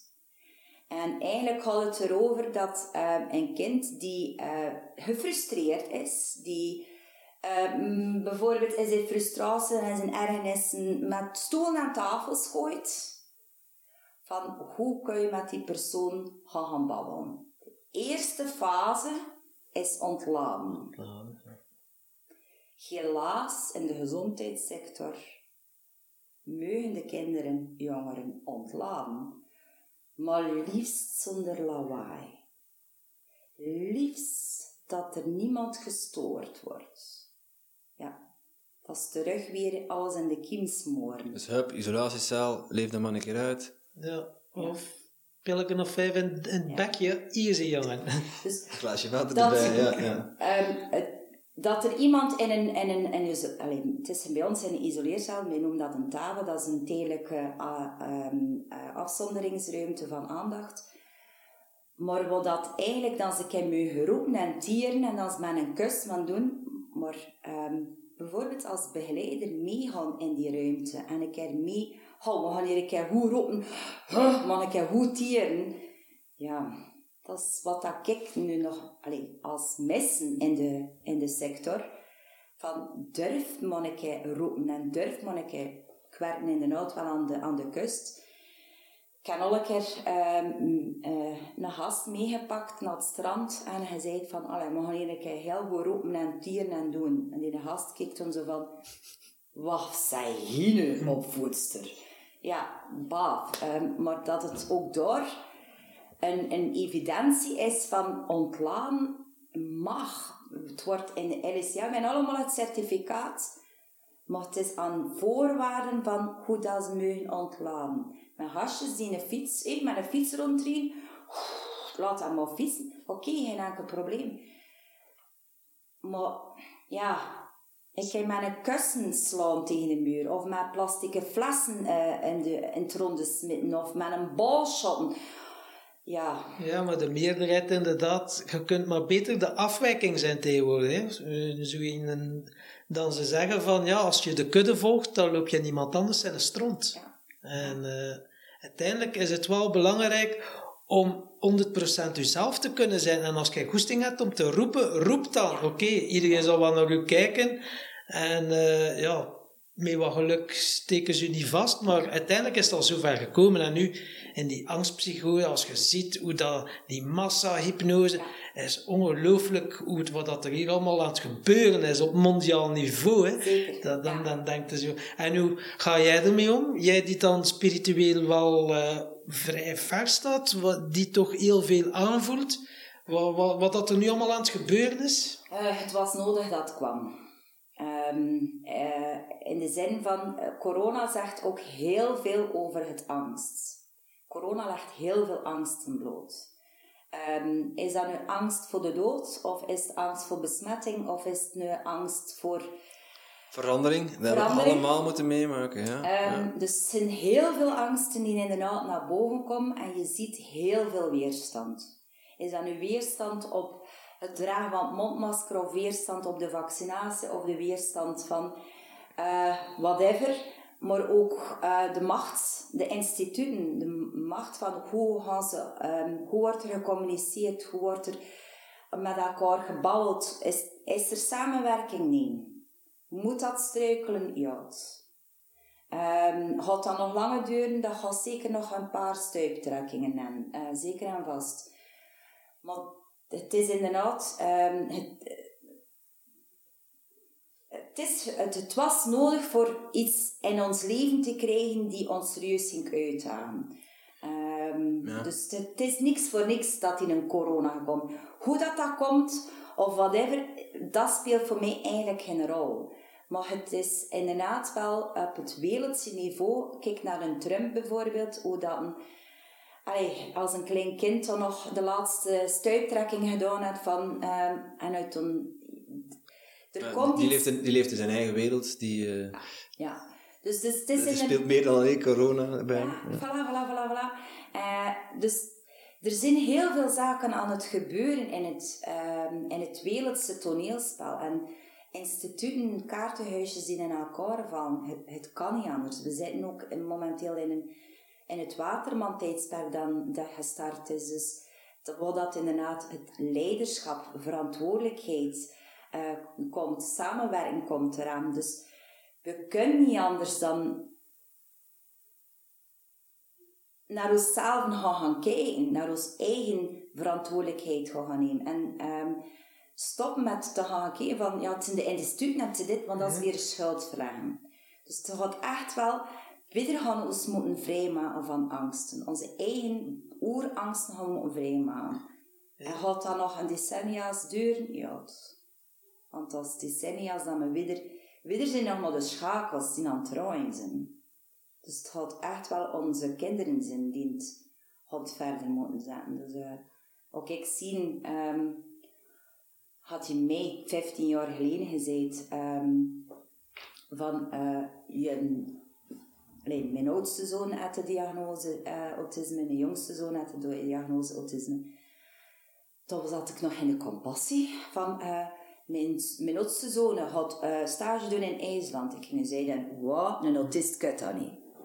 Of zo overtuigd. Zo rigide was ik ook. Dus ik word eigenlijk ook wel een beetje autist.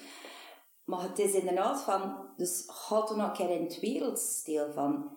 Er zijn zoveel zaken aan het veranderen. En Gidder zit bezig met de persoonlijke ontwikkeling. Er zijn zoveel mensen die bezig... Met de luisteraars van de podcast. Iedereen is op zichzelf wel wat bezig. En hoe meer dan aan het schakelen zin en loskomen van onze eh oerangsten en, en onze falangst en onze angst voor de dood, ja, geef het maar, dat geven we die angst niet mee aan onze kinderen. Ja, en het gaat er ook niet om om niet bang te zijn. Ik denk dat dat ook belangrijk is om mee te geven. Dat, dat die, die angst die moet er wel zijn. Want dat is uw oerinstinct. Zie je bang voor de dood? Ik zeg niet dat ik daar bang voor ben. Nee, met de dood heb ik geen, geen moeite. Maar moest, het, moest er hier nu iemand met een pistool binnenkomen om, en er is dreiging dat hij mij dood zou doodschieten, ja, dan had die angst er zijn. Ja. Dat had Dat is- on- ongetwijfeld. En dat is uw, Dat is dat is, overlevingssysteem. dat is ergens uw oerinstinct. Hè? Hebben- zijn er mensen die dat niet hebben? Ongetwijfeld. En de mensen wie dat sterker ontwikkeld is bij anderen ook. En, en misschien gaat dat op onterechte manier zich in situaties voordoen. Maar iemand die zegt, ik heb, nergens, ik, ben, ik heb nergens geen angst voor, die geloof ik niet. Ja. Die is misschien bang voor zichzelf of bang voor de waarheid. Dat kan ook. Maar ik, het kan niet. Het kan niet. Want het zit in ons. Het zit in onze natuur. Het klopt, maar kan je ook accepteren dat er angst is? Ik kan dat accepteren, ja. Ja. Ik vind dat niet altijd leuk. En ik heb er regelmatig een keer last van. Maar ja, het is ook, is ook deel van, van zijn, hè. Zeker. Ik denk dat het ook uit, uit of wat dat voor mij ook op eh neerkomt, is ehm, van het moment dat het begint te overheersen, is het inderdaad een, een, een probleempje. Is die eentje dat ik er onder de loep moet nemen. Eh, want als je angst hebt voor de dood, ga je misschien ook angst hebben om auto te rijden. Want ja, oh wee, als, er het, als ik hier de straat uit rijden en het kom je van, van rechts op meegevlamd. Ja, dus als ik angst heb voor, voor, voor dood te gaan, ja. Het is ehm, realistisch. En statistisch gezien is de kans nog relatief groot ook. Zeker. En door angst voor de dood te hebben, is eigenlijk wel grappig. Veel mensen hebben angst voor de dood, maar die zijn dan wel gestopt met leven. Hè? Uiteindelijk is dat wel een heel grappige contradictie. Zo, ah ja, en dat en dat. Ja, maar ze leven niet meer. Ja, dan kun je toch beter, allez, om het cru te zeggen, ja, oké, de dood is dan misschien wel leuker, hè? Ja, door zo constant mee eh, bang te zijn voor van alles en nog wat. En er, er, is, er, is, er is nog een stap verder. En dat hadden we, we hadden, van, eh, we hadden eh, Tommaso Bordoni in, in de vorige podcast te gast. Die is ehm, eh, ja, overvallen geweest in Zuid-Afrika. En met, met het leven bedreigd. En dat was een zeer reële kans dat hij dat niet zou overleefd hebben. Ja. En die vertelde tegen ons ook, het was een heel sappig verhaal overigens, een goede storyteller, moesten de mensen dan willen luisteren. Zeker doen. Ehm, maar hij zegt, ik was echt doodsbang en ik had angsten uitgestaan. Ik in, mijn, in die lodge waar ik zat, op mijn knieën, en te, te blijd eigenlijk een klein kind. Hij zei maar, ja, de, de dieven moesten nog iets uit uit onze, eh, uit onze huurauto hebben, want daar lag nog cash in. En eh, ze stapten naar buiten, pistool tegen mijn rug. En op een gegeven moment viel het allemaal van mij af. En hij had geaccepteerd dat hij ging sterven. En hij had er 100% vrede mee en er kwam zo rust en kalmte in hem. En dat was wel... Ik kwam in de erover zone, hè, en dan in één keer zegt ik weet niet, maar mijn benen die waren in één keer lopen naar mijn lijf. Maar zegt hij, dat waar ik niet. Ik dat was er doorheen, eigenlijk. Het was door, lijkt lijkt dat een medicijn zo naar buiten drukt op die stripjes. Ja. Allee, ik weet niet of je dat, dat met elkaar kunt vergelijken, maar ja, hij was er doorheen en hij was terug bij zelf. En helder genoeg om te kunnen vluchten uiteindelijk. De, ja. het is, sowieso is altijd de eerste ehm schrikreflex. hè, Van oké, iedereen had inderdaad, eh als je overvallen zit, had dat inderdaad de eerste zin van... Ik, naar mijn gevoel, ook ik dat toen... eh, en, ik heb het zelf nog nooit meegemaakt, dus probeer me daar ergens in te, in, in te beelden. Het zou mij voor min eerder zin schrik van zeerten, van die geweerschot, dan de dood. Of schrikken van die lijdensweg, dan effectief de dood. Een stuk ook omdat ik weet, ook dood zijn, ga ik in een andere dimensie zitten. En daar zijn er inderdaad een aantal eh, mensen dat ik hen zo wel weer zien. Good for you. Yes. Ehm, ik denk dat jij voor min de pijn zal zijn. Van die geweerschot, dat geweerding is, van dat in mijn lijf zo en, en, en dat zeer. Maar ik heb het nog nooit mee gehad. Ehm, Voor hetzelfde geld is mijn mening wat ik nu pezen of voel eerder dag. Maar stel dat ik het meemaak, ja, zou het misschien totaal iets anders zijn. Dus uh, kun je alleen beelden dat je op een bepaald moment in die acceptatie dat er een ander gevoel komt. En dat je iets zegt van, oké, ja. Of soms is er ook, denk ik, iets dat overneemt, dat nog sterker is dan jezelf. Ik denk nu aan de, uh, de gokverslaafde Dirk, die vertelde ook ja, schulden en had vier afscheidsbrieven geschreven en hij was met de auto aan het rijden richting Frankrijk, dus hij ging hem vakant maken. Ik had er volledig mee akkoord. En dan in één keer ging ja. de telefoon, de gsm, en zegt hij, ik weet het niet, dat was ik niet, maar ik werd gedwongen om die een telefoon op te nemen Ja. en dat was ik niet. En ik Ik ben dan... Ik heb hem zelf meegemaakt. Ik eh, kan hem volledig daarin verstaan. Dat klopt. Ehm, dat is vooral te maken, eh, moment, allee, de beslissing maken van te scheiden. Ik heb altijd een bepaald moment het gevoel, gehad, dus ik knabbel door al die overtuigingen en, en, en je scheiden en, en dat gaat een boeman zijn en eh, eh, heeft relatietherapie geprobeerd en bla bla bla bla. En compassie, het, je, man, je man had de diagnose autisme, een opvoedster die een autist in de steek laat, bla bla bla. zo, dus op een bepaald moment, ehm, er was wel nog een andere context, maar ik ga dat er, erbij laten. Maar op een bepaald moment was ik me zodanig emotioneel pijn gedaan geweest.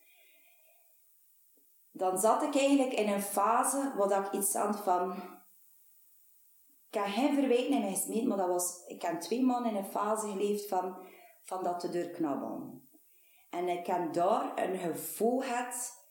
ehm, dat ik ergens steun gekregen heb. Van het is oké. En ik heb letterlijk... ehm, want dat is ook ehm, wat ik nu geaccepteerd heb, dat ik helder horend ben. Ehm, helder voelend, dat ik ook.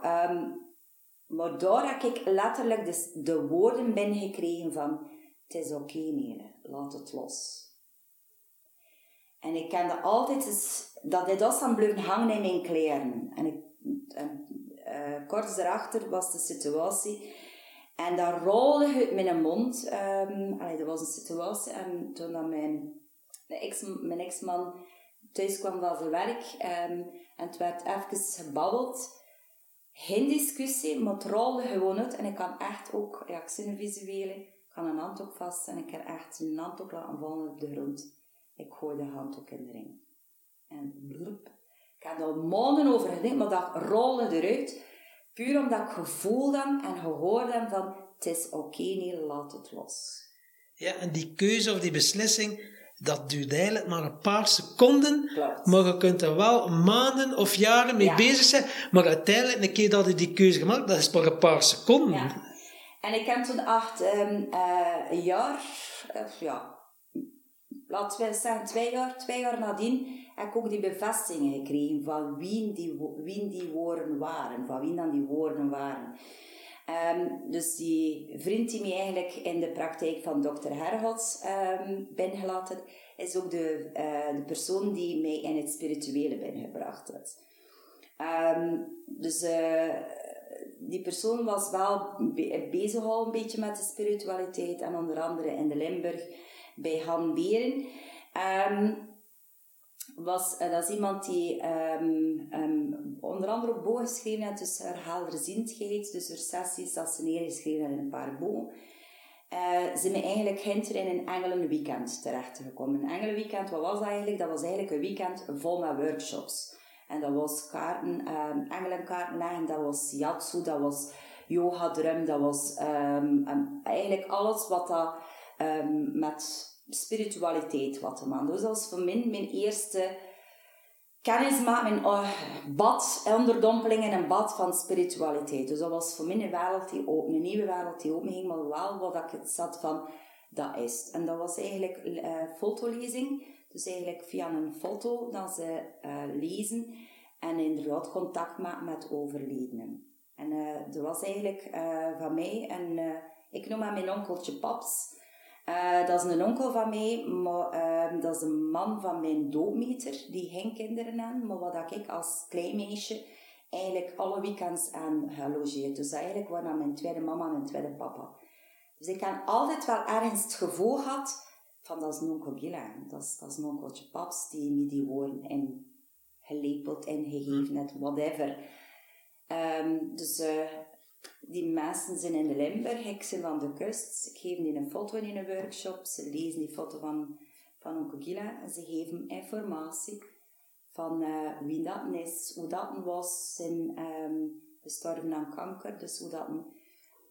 Ik kan zoiets van, what the fuck hier? Wat is dat hier behaald? Hoe kun je er dan nu allemaal weten? Want het zat er allemaal bonk op. Ik kan zoiets van, dat van de Limburg, krijg je ermee niet. Dus dat was voor mij zoiets van, wat is dat hier? Dus ik zweeg en het is allemaal vertellen. En dat madametje die toen bezig was, zei van, um, ja, ja, je zei het nu, je zit met een belangrijke vraag die op je tongen ligt. Vertel het me. Ik zo, ja, nu is het moment, hè. En ik had vraag van, ja, nonkel Gila, is dat effectief hij die me die steun geven en die me die woorden geven? Tuurlijk, mijn schatje. En ze zei ook van, um, je zei die constant um, uh, snetse bellen. Ja, ja, snetse bellen, dat is, dat is dus ik. En ik kan altijd bij je zin. Ik sta achter je. Het is al oké okay wat hij beslist. En dat was voor mij zo van, bang. Ja. En ik heb aan de hand daarvan, allez, uh, dat is nu bijna tien jaar geleden, die onderdompelingen in die spirituele, ik heb toen heel veel zaken geproefd, workshops gedaan. En ik kan wel die, voor mezelf die puzzel gaan maken, want het heeft heel veel te maken ook met als je in je gevoel geblokkeerd staat, kun je ook je spiritualiteit niet um, gaan doen. Dus eigenlijk was dat weer een bevestiging van, van al kind worden, nee, je bent een gevoelige madame en je hebt talenten met de bovenkant. Maar mocht het niet doen, want dat was not done. Dat was de katholieke kerk moet je volgen. Dat is de, de waarheid. Maar niet over, met overleden babbelen en engeltjes en whatever. Dus ik, ja, toen had ik wel eens iets van... Um, Oké, okay, ja, als dat ik is en als dat mijn talent is, ja, voor wat niet. Um, maar ik heb wel uh, de ervaringen van... Ik wil wel met mijn twee voeten op de grond krijgen, want ook in de in, in de spirituele wereld, of, of, of noem het ook wel. Um, de valkuil is net hetzelfde in, in met angsten. Als je vanuit je angsten naar een, tar, een waarzegster gaat en je tarotkaart laat leggen, ga je er ook soms naartoe leven. Ja, ja maar madamke had dat gezegd. The self-fulfilling prophecy. En dat uiteindelijk tarotkaart leggen of, of dingen is vaak de struikelblokken die misschien wel naar boven gaan komen. Maar wat zijn je struikelblokken? Ja, dan keer je terug alweer naar je angst en naar je valangst en naar je onzekerheid. Want... En iedereen heeft struikelblokken, hè. Alleen, ja, je durf je ze voor jezelf benoemen en, en zo'n mhm. kaart legt er dan bloot en dan ga je erover nadenken van, ja, inderdaad, ik ben met dit ene struikelblok mm aan te schoppen. Ja, dat is dat katje wat je op dat moment moet gezelen. Ja. En uh, ik gebruik dat veel te veel trouwens, die uitdrukking. Dat er zijn. um, en, en, Iets met katjes, hè, ja, blijkbaar. Um, maar ja, dan, dan, dan, kun je daar weer op verder. En als je, dan, als je daar ontvankelijk voor bent, en ik ben ook een beetje down to earth, ik probeer dat ook mhm. in perspectief te zetten. Um, maar ja, dat, wat je aandacht geeft groeit, dus wat je dan ook op focust, uh, daar ga je naar gedragen. En wij ervaren dat in de lijven, omdat ja, als je een bepaalde visie hebt of een bepaald doel voor ogen hebt en uh, je hebt een duidelijk plan om er naartoe te werken, dan, dan zal het zich ook ontvouwen. Mhm. En daar moet je hard voor werken. En er komen dingen op je pad die u daarbij helpen. En dan mag je het chance. Ja, of ik zie de kans en ik benut ze. Ja. ja. Dat is iets anders dan ze laten passeren op straat en... Uh, ja, dat is ook wat dat je aandacht op richt. Want als je bijvoorbeeld zegt, ja, ik, nou, ik ga mij een nieuwe auto kopen, die een auto En in één keer zie je ze overal rijden, maar dat is omdat je onbewust Zeker, gezegd hebt. En dan je wereldbeeld, dan ga je vooral die dingen zien die ermee te maken hebben. Dus waar dat jij je op focust, of wat dat je zegt van dat wil ik bereiken, dan ga je allemaal kansen of mogelijkheden zien om dat punt te kunnen Zeker. bereiken. Het stuk is inderdaad ook ehm, het, door mee door ehm, ook in te nemen en letterlijk ook in die, ehm, in die workshops en het spirituele. Ehm, en eh ik toen ook bij Han weer een, een gevolgd. Dat was inderdaad ook wat van alles, wat uitwerken. Dus het werk van een pendel en het werk van... Maar ook duidelijk, dat je zegt, Tim, down to earth, is ook gewoon gaan zoeken van wat past er bij min en wat past er niet bij min. Ehm, ik ken niet echt een gevoel met in een pendel. Ehm, toen, in die engelcursus. kan zin binnen zes maanden dat plotseling die een pendel mee wel aanstaat. Ja, het is tegen dat ik er nu nog niet klaar voor ben. Ehm, maar wat ik wel heel fijn vond, is inderdaad wel dat je daar soms ook gelijkgestemden en gelijkgezielden tegenkomt. En dat je eigenlijk ook van, like dat je, er zit ook twee gelijkgestemden, twee gelijke zielen. En dat je van elkaar leert. Ik heb dus ook een, eh, een, een heel goede engelenvriendin daaraan overgehouden. Ze had er toen toegespitst op encasting coaching. Ehm, dus dat is eigenlijk met bijen was, met wasco, het tekeningstrijken.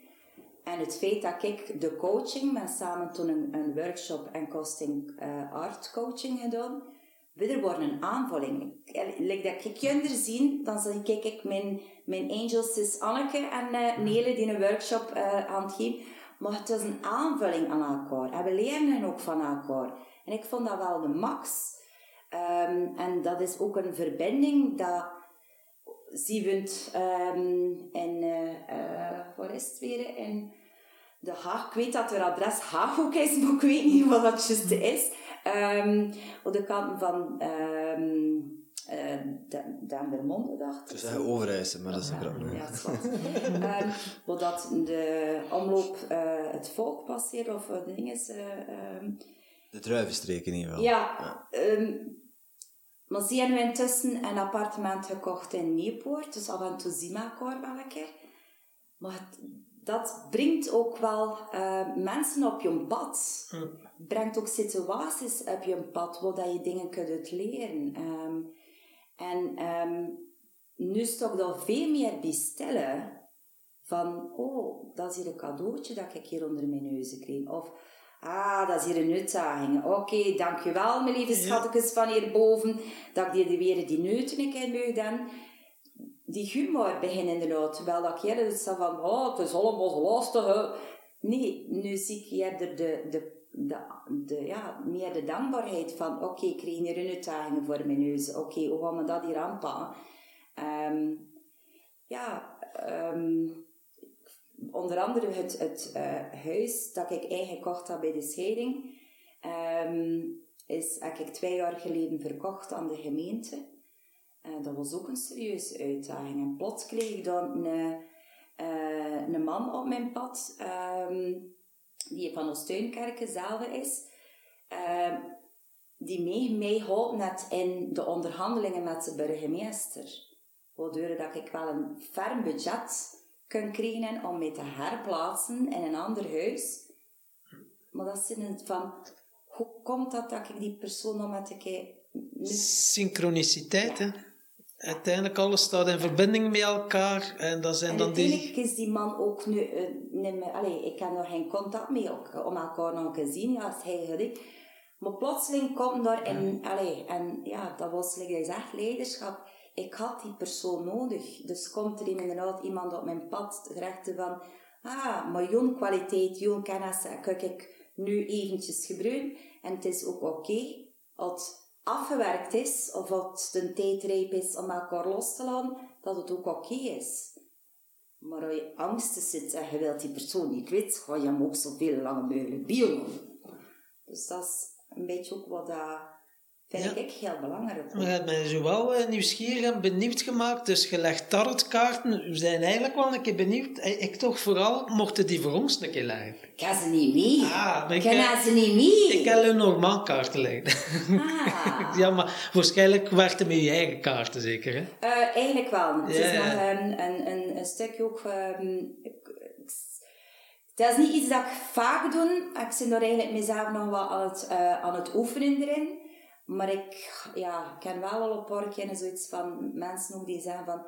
Maar je lag je wel andere te, allee, de, een andere manier. Ja, down to earth. Van oké, ik zie het wel. Ja, en wat, dat, wat voor uitleg geef je erbij ook? Ja? en, Want ja, ik moet zeggen, ja, ik, ik, ik heb, ik, je hebt nog geen tarotkaarten voor mij gelegd, maar eh, ik- ja, jij bent mijn ontlader. Hè? Mhm. Ehm, er zijn toch dingen die je, die je weet of zegt of doet die niet in het verslag kunnen staan. In ieder geval niet die ik gezegd heb. Dingen die ik niet gezegd heb, die gewoon er altijd boenkop zijn. En dat is wel straf.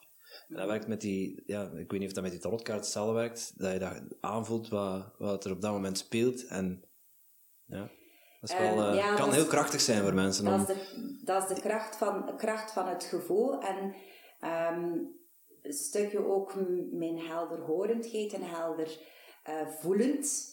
Ehm, niet dat ik ehm, spirit, allee, in de zin van, want ik wil me echt wel eh, gescheiden houden. Ehm, maar ja, soms... want die ontladingen zijn totaal niet spiritueel. eh, dat is echt... Ja. er, like, er zijn wel bepaalde woorden die plotseling bij me opkomen. Is dat nu helderhorend of, of heldervoelend? Voor mij speelt dat niet, een- geen rol. Ook dat astronautenpak gebruikt hebben bij, bij Tom in een sessie, is dat gewoon dat een, ja, dat is hier een plop die komt, eh astronautenpak. En nog voordat ik bezig ben, spreek, spreek ik dat al uit. En als dat blijft hangen voor Tom, ja, ik kan alleen maar hem er profeet van en ik kan het enkel maar gezegd. Ehm, maar inderdaad, door de vaak, voor mij is het wel zo van, eh, ik ben zo eh, krachtig geworden in de kennissen en, en ehm, iemand die in de nood, dan voel ik heel vaak ook en het, ja, zit ik er in de nood wel heel vaak bonk op. En ik weet dat dat soms heel ehm, serieus binnenkomt van, oh shit, dit.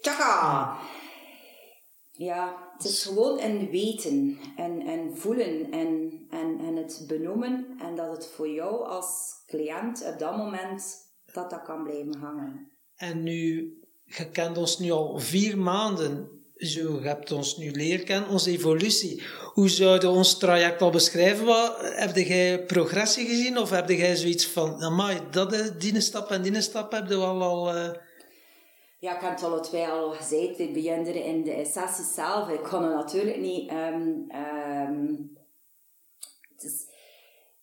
je kunt je er alle twee ook niet vergelijken. Je hebt alle twee hun eigen traject en hun eigen gevoeligheid. Ehm, maar inderdaad, ik merk wel... ehm, de eerste sessie dat ik gewoon even bij, bij de Tim eh keek... De eerste sessie was eh, Tim zeer onzeker en was al eh, goed controle van... maar ik kan al een paar woorden gezegd en ik zag nou Tim zo van, oef, ja, ze zit er hier wel bonk op. Ehm, de, wat ik wel eh, bij Tim merken is het daar eigenlijk wel eens al heel grote stappen gezet. En ik voel ook wel veel meer rust in je zitten. En wat dat je inderdaad gisteren wel van oké, ehm, in het begin, de eerste keren zo, kijk, kloppen op dingen was nog zo'n beetje uit voorzichtigheid en wat brengt dat, gaat dat hiermee opbrengen. En nu schiet je er inderdaad wel door en je benoemt ook nu vaak, ook tegen jezelf van oké, nu voel ik dat, nu voel ik dat, nu voel ik dat. Dus zie je eigenlijk al serieus aan het lanceren en het benoemen aan jezelf van je, wat dat je, ja, emotionele taal noem ik dat. En wat dat jij voelt, is jouw waarheid. Ehm, dus ik kan enkel maar beamen, ik zie het ook aan je lijf, ehm, van ja, klopt wat je zegt. Ik zie het ook. Dus de sprongen dat je aan het maken zit, zit mooi aan het evolutie aan het doen. Dus Mooie woorden, ja, ik ben er stil van. En als, zeg, als je zegt van ja, nee, dat klopt totaal geen kant, moet je mij dat ook zeggen. het, eh, het voelt heel kloppend aan, ja. ja. Ja.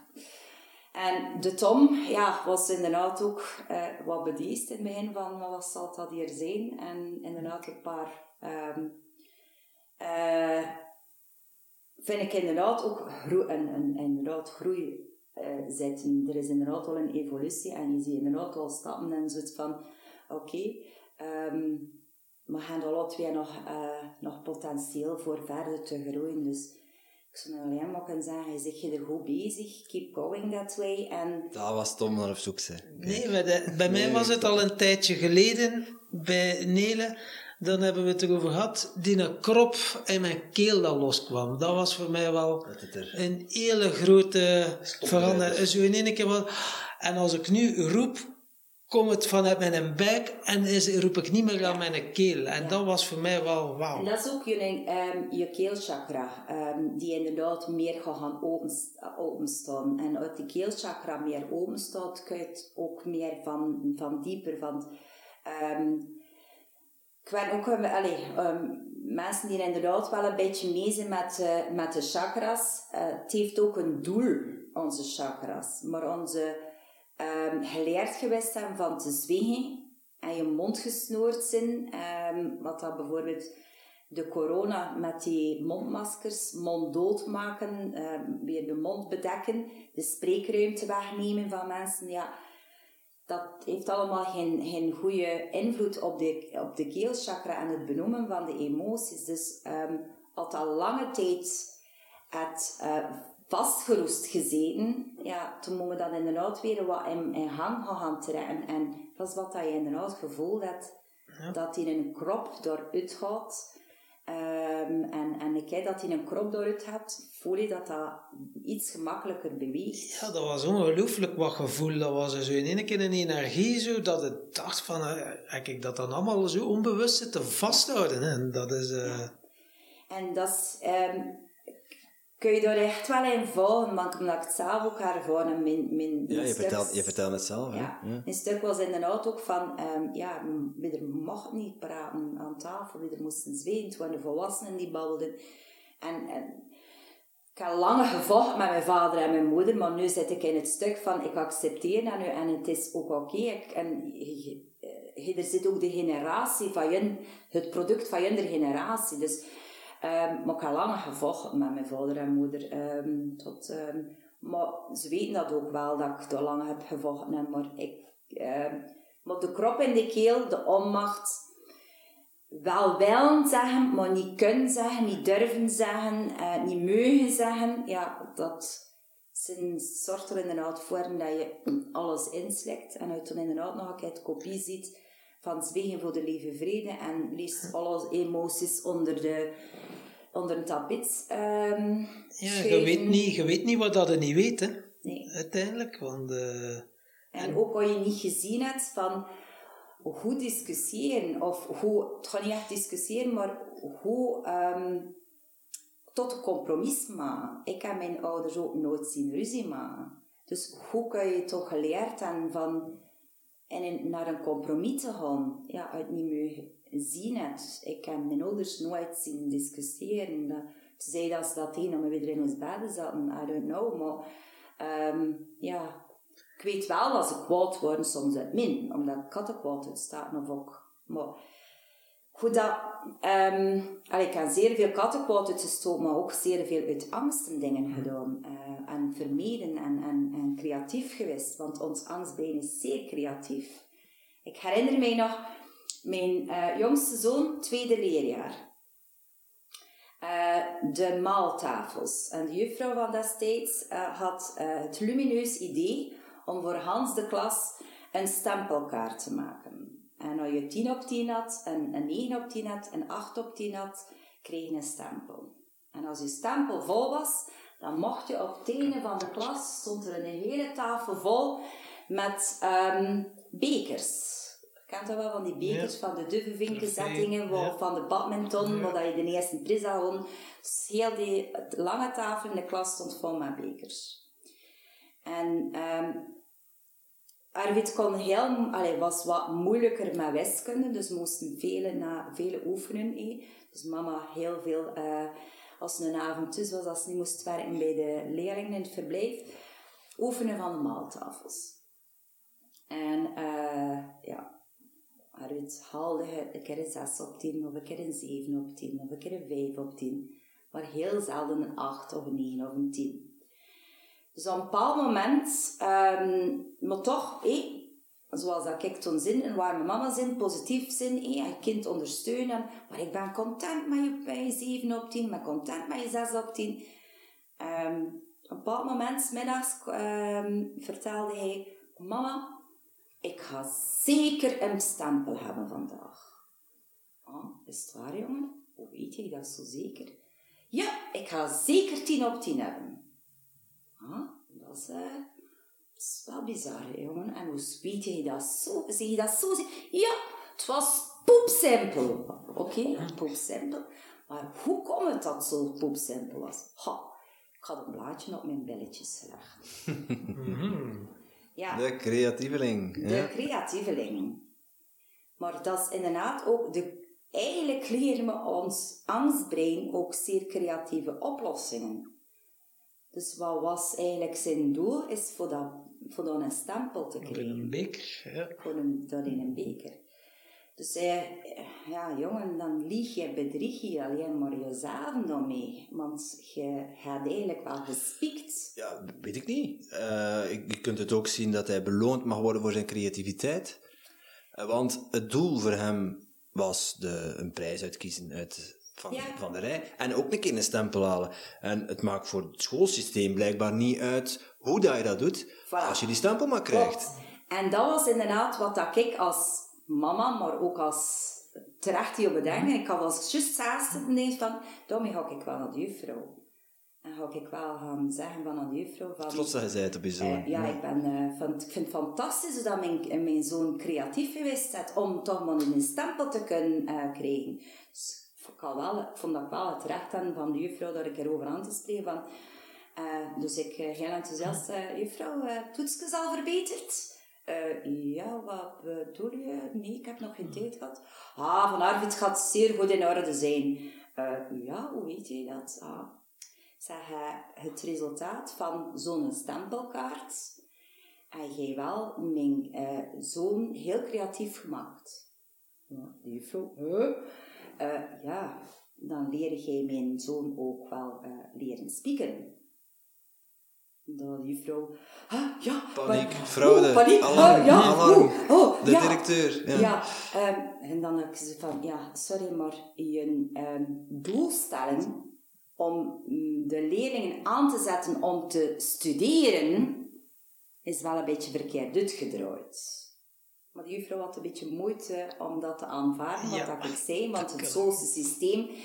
Maar uiteindelijk hangt er daar ook wel aan vast dat mijn zoon, dus we vertalen ook wel hey, dat bij mijn toenmalige schoonfamilie, dat verhaal, um, Mm, maar met, toen had ik nog niet horen dat hij autisme had. Maar dat zijn fascinatie voor bekers is wel begin kweken.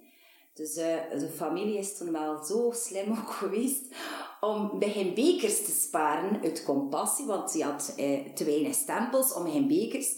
Dus iedere zondag gaan we bezoek ging, twee, drie bekers. Dus op een deur zijn kamer stond vol met bekers. Ja, en dan leren afscheid nemen van die bekers. Oh. Dus, dus ook... Of een goed moederhart tonen en verhuizen naar een plek waar hij een grotere kamer heeft. Kom, ik heb inderdaad ook gedaan. Dan zie ik in mijn kamer met gaan slaan, maar ik is in een kamer. Oké. Okay. Nee, nee. Of EN achterzet. Creatief zijn, hè? Ja. Bekeren, ja. ja. Dus uh, van, vandaar het ook hoe dat angst van... Uh, allee, uitgesloten te worden, angst van uh, commentaar en angst van kritiek krijgen, angst van beoordeeld worden. Want een stempelkaart is echt wel beoordelen, hè, van je zijt goed ja. Zijt niet minder goed. Dus ja, um, ook dat is een, een heel gevaarlijk systeem in een schoolsysteem. En ik verstaan heel goed van wat dat... Het is met de beste bedoelingen soms. Want die, die, die juffrouw heeft nooit de intentie gehad, denk ik dan, hoop ik voor haar, om ja, kinderen te kwetsen of om ze een gevoel te geven dat ze niet goed genoeg zijn. Ze wou ze juist stimuleren om een rekensommetjes te maken. Met een beker en met een stempel. En dan, ja, als je die een beker hebt, zei gelukkig, mooi bruggetje. Onze podcast gaat over geluk. En de gast, de vorige vraag van de gast, had er ook mee te maken. Uh, wat betekent voor jou gelukkig zijn? Voor mij gelukkig zijn is ehm, in eerste plaats dat mijn emmertje niet te vol zit. Als mijn emmertje gezapig is, of mijn emmertje eigenlijk ehm, ja, leuk is ehm, en, en plezant is, is en voor mij al de eerste stap naar geluk. En ehm, als, van, van mij vertrekt het uit. Als mijn emmertje gewoon is en gezapig is, dan voel ik mij al gelukkig. En al wat dat erbij komt zijn bonussen. En dan maakt het mij nog happier. En dan zijn vervolgvraag was, welke drie dingen zijn voor jou essentieel om gelukkig te zijn? Waar zouden niet, geen, geen afstand van kunnen nemen, van welke drie dingen? Ontlading. ja, voor mij is dat... Um, ja, addict. Ja. dat is... Um, voor mij is dat de... Um, het terugkeren naar de natuurlijke bron. Ik ben zo blij van, van dat uh, opnieuw herontdekken. Dus uh, ja, ik vind dat... Dat, dat zou ik echt niet kunnen missen. Hoeveel keer ontlaat jij zo even tussen... Uh, bij mij, dat is afhankelijk. Dat is echt afhankelijk. Dat kan, dat kan zijn, um, ik heb vandaag nu um, met frustratie die binnenkwam van een aantal mails van het werk of van vragen dat gevraagd wordt en overbevraagd. En de, ja, mag ik toch wel zeggen dat ik toch nu al een keer of drie, vier vandaag ontladen heb. En dat hoeft voor hen 10 minuten zijn, maar dat is misschien een keer goed ademhaling, een keer spanning wegdoen, drukken uh, aan in een bureau. Dat stuurt misschien 2, 3 minuten. En in de auto keer goed ademhaling. Um, ja, ik denk dat ik toch wel al drie, vier keer um, gewoon van... Um, dat is voor mij ook een, vorm van... Er is een, uh, een half binnengekomen dat niet zo leuk is. En ik wil zo snel mogelijk die een half weer een stuk met die vulligheid, ja kom, dat, dat mag tot bemin komen, maar dat gaat niet hele haast met een emmer laten overlopen. Um, dat is echt een, uh, een natuurlijke beweging van eb en vloed. En allee, de half trekt maar weer. Dat is uh, ja. zo flow. Een begin. Ja. Um, zo meer woelwater dat er in je emmer komt, hoe rapper dat je moet ja. ontladen eigenlijk. Dat kan één keer per dag zijn, dat kan één keer per week zijn. Drie keer per dag. Ja, dat Drie keer op een uur. Um, dat is ook te maken met hoe dat je er zelf... Allee, um, we hebben ook een aantal uh, externe factoren en niet in, in, ik ken um, ja, doordat ik wel in contact stond met hierboven, om ik het zo zeggen, uh, vannacht om drie uur wakker, allee, gisteren ontladen en overlegd was, pas elf uur tegen dat ik thuis worden. Uh, drie, uur wakker geworden de volle maan of nieuwe maan komt er alweer aan, dus ik zie nog wel gevoelig aan. Wat moeilijk weer in slapen geraakt, een heel rare droom gehad. Dus ik ben wel wakker gekomen met een, een zwaar hoofd. Um, dus ja, zit je al zoiets van... Oh, maar ja, nee, als je heel eerlijk zit, als je twee, twee dagen geleden maar redelijk veel chocolade gegeten. Chocolade is voor mij een, uh, een trigger voor migraineaanvallen. Dus dat speelt ook allemaal een rol. Van, externe factoren ook van, ja, hoe stok ik hier in mijn lijf? En uit toen ook kijk, frustraties en ergernissen, ja, dat, dat niks te maken met frustraties, maar dus uh, je wel zoiets van, oké, okay, neem ik even een, een daffelham, terwijl ik uh, zes, zeven jaar geleden nog dipakine nam voor, uh, voor migraineaanvallen. Dus ook ontlading en mij wel geholpen. Um, want migraineaanvallen extern een aantal voedingssystemen, hormonaal, maar is ook je frustraties vasthouden en herkauwen in je hoofd. Dus letterlijk je hoofd breken. Dus migraineaanvallen kunnen ook wel een uh, factor zijn van je ergernissen en frustraties vasthouden en verbeteren. Uh, ik word, uh, dan spreek ik over 15, 20 jaar geleden, ik kon echt mijn migraineaanvallen zelfs stopzetten. Gewoon op commando? Ja, voelde mijn migraine opkomen. Ik was op mijn werk. Letterlijk kon ik hem uitschakelen. Dus eigenlijk was ik op dat moment aan het dissociëren. Ja, Van gevoel, niet- op gevoelsniveau uitzetten. Nu Ja, gewoon van, nu zie je hier niet welkom migraineaanval. Moet functioneren. Dus Ja, dat is wel handig, hè, zo'n aan- en uitknop. nee. Nee? Behalve dan... eh Nee, dat, want- dat je oververhit raakt in je systeem. Want, ja. ja, want hij kwam toen thuis. Is lekker een auto de uitlaat vol.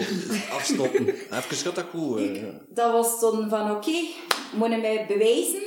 Je hem nu... Toen kwam in, in, ja, in heftigheid drie, drie, vier keer terug. Dus, en toen ja, moest je in je bedden kruipen, vier, vijf uur slapen. Dus, maar, joh, ik had wel mijn kinderen, maar dat ik eigenlijk moest... eh, ja, zeggen, sorry, maar mama is niet beschikbaar. En, en eh, dat was wel wel je ook van... Dus ontlading heeft mij ook wel door mee geholpen. Van, eh, ook door de spanning dat creëerde in mijn hoofd, van dat ook kunnen loslaten. Dus, waardoor dat ik eigenlijk kan stoppen met die pakine. En dus voor mij zijn het alleen maar voordelen voor te kunnen tegen technieken van ontladen. Dus ehm, Dat was, dat was, dat was één. dat was één. Dus wat kan ik nog niet loslaten? Ehm, of wat dat voor mij wel essentieel is voor geluk? Chocolade zeker, of wat was het? Nee.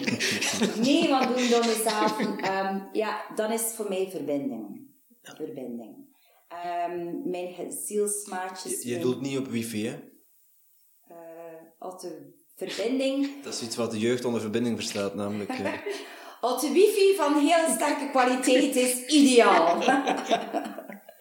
Eh, ja, voor mijn hart is hartverbinding. Voor mij is dat wat ik, dat zaken waar ik kan opladen. Waar ik ehm, ja, dingen kan delen, dingen kan horen, kan voelen, zien, ruiken. Voor mij is dat, eh, ja, die vriendschappen zijn voor mij heel, heel belangrijk. Ehm, dus dat is ook echt wel niet kunnen missen. Ehm, en een derde ja, heeft mij maar de nieuwsgierigheid. Nieuwsgierigheid van, ehm, Van een kind. van verder, ja, van een kind, van ehm, je verder te ontwikkelen, wat bestaat er nog allemaal, welke systemen bestaan er nog, wat, welke, ja, die nieuwsgierigheid zou kwijt zijn, dan ehm, zou ik eigenlijk zijn. Levenslang leren. Levenslang leren, ja. Ik ben een heel nieuwsgierige persoon. Van al wat dat... En, en merk ik van, ja, dat... Oh, ja, nee, dat is toch niet voor mij. Oké, maar dan weet ik het tenminste. Maar ik ben inderdaad wel een heel nieuwsgierig persoon. Dus als ik die nieuwsgierigheid niet meer zo neem, dan zou ik half gestorven zijn. Dus. Eigenlijk een hele grote snoepwinkel en van alles een keer proeven en zeggen, mm, ja, daar gaan we... En ook een keer die chocola. Maar geen twee repen. Inderdaad, met mate, met mate. Ah Ja, voor de luisteraars, ik kijk naar rechts waar Tom zit. Hè. Ja, de Ja. podcast had geen beeld. Ja, ja, dat is juist, ja, dat je even een keer kunt zeggen naar wat je aan het kijken zit. Eh, To- Tom heeft zo'n 100%, 100% niet of, of 100% wel. Ja. 300, 300% wel. Ja. Ja, voor mij werkt dat wel het best. Als ik van iets, met iets moet stoppen, als ik de deur op een kier zet, is het gevaarlijk. Buiten als ik zeg 100%, nee, ik doe het niet meer, ik eet het niet meer of ik drink het niet meer, hoef ik ook niet meer te onderhandelen met mezelf. En dat spaar ik enorm veel energie. Dan komt er wel zo, zo de proef. Ah nee, je weet toch nooit meer. Ah ja, het is juist. Daar hoef ik er zo geen uren mee bezig te zijn. Van, Ja. ah ja, en dat en dat. En voor mij werkt dat wel. Ja. Dat werkt enorm. Want anders eh, loop ik leeg. Ja, mij, is dat al, mij, mij beangstigt dat dan weer, omdat dat mij bero- berooft in mijn vrije, vrije keuze en mijn vrije wil. Eh, Dan gaat mijzelf... Ik hou er niet van dat andere mensen mij ergens in belemmeren, dus waarom zou ik dan mijzelf ook ergens in belemmeren? En bij mij is dan ook... Tussenweg. Hè? Dan stel ik me de vraag, ja, wat Het niet het mij op? Ja, wat Nee, nee, het... nee, nee, nee, nee. En uiteindelijk kun je van akkoord, want misschien je, is de hulde met de weg een stuk van alle twee samen. Maar je weet niet never know, hè. De Tim Tom podcast, jouw GPS naar de Gulden Middenweg. Ja, uiteindelijk, wat is onze missie? Op een speelse manier mensen wakker schudden in hun potenties en hen de kans van hun leven geven. Ja. Dat is... eh, Er is over nagedacht. Is zeker over nagedacht. Er zit al heel veel in. Geef me een beetje tijd voor dat te analyseren. Nee, ik vind hem eh, inderdaad wel... eh, ja, dat is, dat, is, dat is ook de... ehm, om het een beetje in het holk te doen, is ook gaan en vermenigvuldigen. Hè? Dus je kennis doorgeven, je, je nieuwsgierigheid doorgeven, mensen wakker maken van durf maar in je, in je eigen spiegel te kijken en, en ontdekt je, je talent, want heel veel zijn ook um, schrik van hun talenten. Ik kan het zelf ervaren van, uh, ik, ik gevoel en meug ik mijn talenten en uh, zijn ossa gezegd, uh, nee, uh, dat is de weg en je gaat dat volgen. Um, ik was Ossa een beetje de overrechtse pipo in de familie. Maar ja, dat is, nu weet ik ook van, oké, okay, het zal een reden hebben waarom dat ik een beetje uh, anders. anders word. En, en ja, omdat ik ja, mijn gevoel zei van, het is oké okay wat dat je voelt en het is oké. Okay. En voor mij worden dat um, verademingen om dat te mogen zeggen. Het is oké dat ik gefrustreerd ben. Het is oké dat ik ergernis neem. Het is oké wat dat ik voel, want wat dat ik voel is mijn waarheid. Mooi, en ja. En je moet er lef voor hebben. Hè? En uiteindelijk, ja, leven is het meervoud van lef. Ja. En uh, ja, bij mij was het die keuze maken, die gouden kooi ambtenaar. Ja, allee, goed pensioen, dat, dat. En om de duur begint het nog te geloven wat dan anderen nu zeggen. Tot wanneer dat het de bal zet van, allee ja, doe een zware bore-out ook. Mhm, dat ik mhm. niet werd gedwongen om een keuze te maken. Wat ga ik hier nog doen met mijn leven, jong? Ga ik hier nog ongelukkig blijven zijn tot mijn 67, als ik dan zo oud word? En dan heb ik gezegd, nee, dat wil ik niet meer. Maar... En ik denk dat er daar de um, heel vaak ook schone boodschappen in zitten. En als je durft kijken naar jezelf, durf je ook kijken naar de boodschappen. Wat, um, um, wat is de boodschap in een burn-out? Wat is de boodschap in een persoon die kanker krijgt? En ik weet dat dat al over kanker gaat zijn veel mensen van, moet er niet over beginnen. Of, maar um, mijn engelenvriendin, mijn, mijn angel sis, Anneke, heeft um, borstkanker gehad. Is nog herstellende daarvan.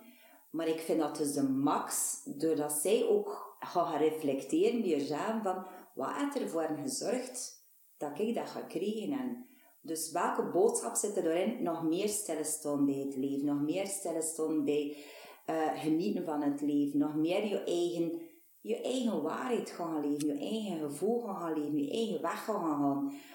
En laat los wat dat, um, en dat is gewoon gezegd en gemakkelijk gezegd, maar um, iedereen moet daar door dat kluwen heen gaan. En, ik krijg daar kippenvel van. Ja, dat is, en dat, kippenvel is een teken van hierboven of van de zielen van zit er boek Ja, en ergens is dat ook...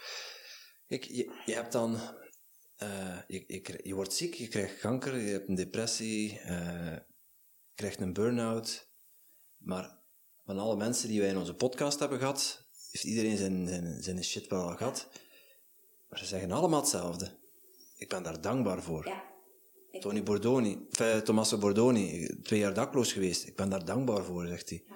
Uh, ja, ik kan ze niet op twee handen tellen, mensen met burn-outs of met depressie. Ik ben daar dankbaar voor, zei ze ja, maar hoe, hoe zijn er er bovenop geraakt? Wat, wat heeft ervoor gezorgd dat je die ziekte hebt overwonnen? Dat je die kanker hebt overwonnen?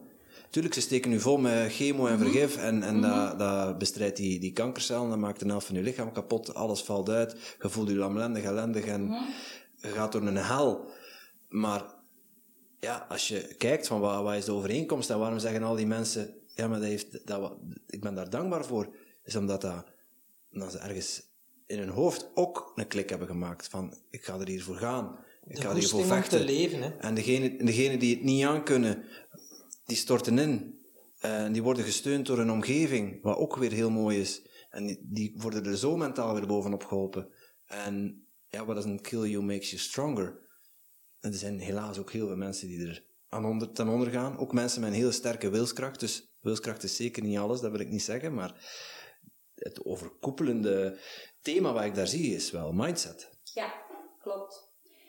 Um, het, het, is ook um, vooral de durf om um, het positieve erin te zien. Van oké, ik kan dat hier nu, like dat Cole aanzeiden, van oké, ik kreeg hier nu een uitdaging voor mijn neus. ja, bedankt je dat je dat, dat hier voor mijn neus brengt. Maar geleerd er wel een aantal zaken. Ook durf de reflectie maken. En um, ik kan gemakkelijk klap, maar ik um, en zelf nog geen borstkanker heb. Ik heb wel al net, geen, uh, uh, net in de fase gezeten dat ik net geen kanker aan huidkanker of, of uh, baarmoederhalskanker. Maar wel dat er mij wel bij stillen stond van wat zorgt ervoor dat ik um, die kankercelletjes wel ontwikkel. En... en er zit een, een voor mij, voor mij, ik weet niet wat, nee, maar naar mijn aanvoelen, is wel een stuk van um, je ergernissen vasthouden en dan ga ik echt wel, we gaan ons gaan kankeren in frustratie en, frust en ergernissen. Dus het vasthouden, ik geloof er ergens wel een stuk in dat we onze aantal celletjes om het vast te houden, onze DNA, um, en, en hoe samen verheftigen, vasthouden van die dingen, dan die gifstoffen wel een en ander doen bewegen naar kanker. Ik zeg geen medicus en dingen, maar ik ken ergens wel dat gevoel. Zie ik verkeerd, oké, okay, dan zie ik verkeerd. Um, uh, daar zit er, allee, um, en zit wel andere factoren ook bij. Dan ben ik ook wel um, genetisch en, en, en uh, whatever. Ja, en omgeving natuurlijk. Hè. Ja. Roken, drinken, de zon. Ja. Uh, ja. En ik vraag me bijvoorbeeld af, welke boodschap zit er in de migraine van Nelen? Uh, was hun er vastbijten in vasthouden. Mm -hmm. Dat is letterlijk het, hetgene wat dat, je, dat ik hier aan het malen was, aan het constant aan het beredeneren, uh, aan het, ja, en dus die in bochten gaan, gaan bekijken van hoe zou ik dat allemaal nog kunnen gaan doen veranderen en wat zie ik verkeerd gaan en wat kan ik allemaal nog verkeerd gaan doen, maar ook frustra de frustraties, de pijn gaan vastdoen van emotionele pijn, van oh, je me bedrogen en, mm. dus ook, ja, dat is um, er zitten een aantal factoren in dat ik echt niet in de hand heb, dat is hormonaal en voedingsstoffen, dan ben ik Um, dat weet ik.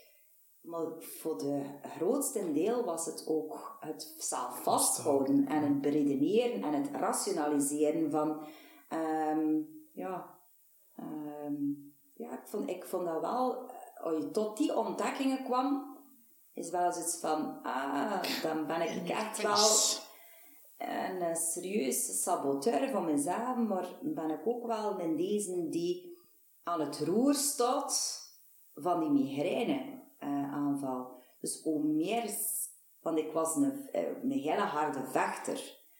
Um, en ik herinner mij nog in heel veel uh, functioneringsgesprekken op mijn werk, kreeg ik heel vaak de, um, het werkpunt: nee, dat zit toch ook zo hard niet. Ik heb lang daarmee geworsteld. Zo van, welke vrouw je er eigenlijk? Hoe sta je er eigenlijk nu?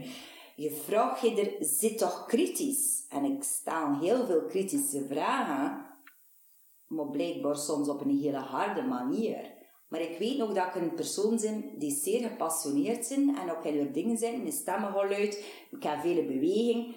Maar ik, nu weet ik dat mensen daar soms wel een stuk schrik van hebben, van zo gepassioneerd te zijn en mijn stem die wel uitdraait. Um, tot ik eigenlijk wel een stuk deuren aan in, um, de, in de uh, traject en zeker ook als ontlader.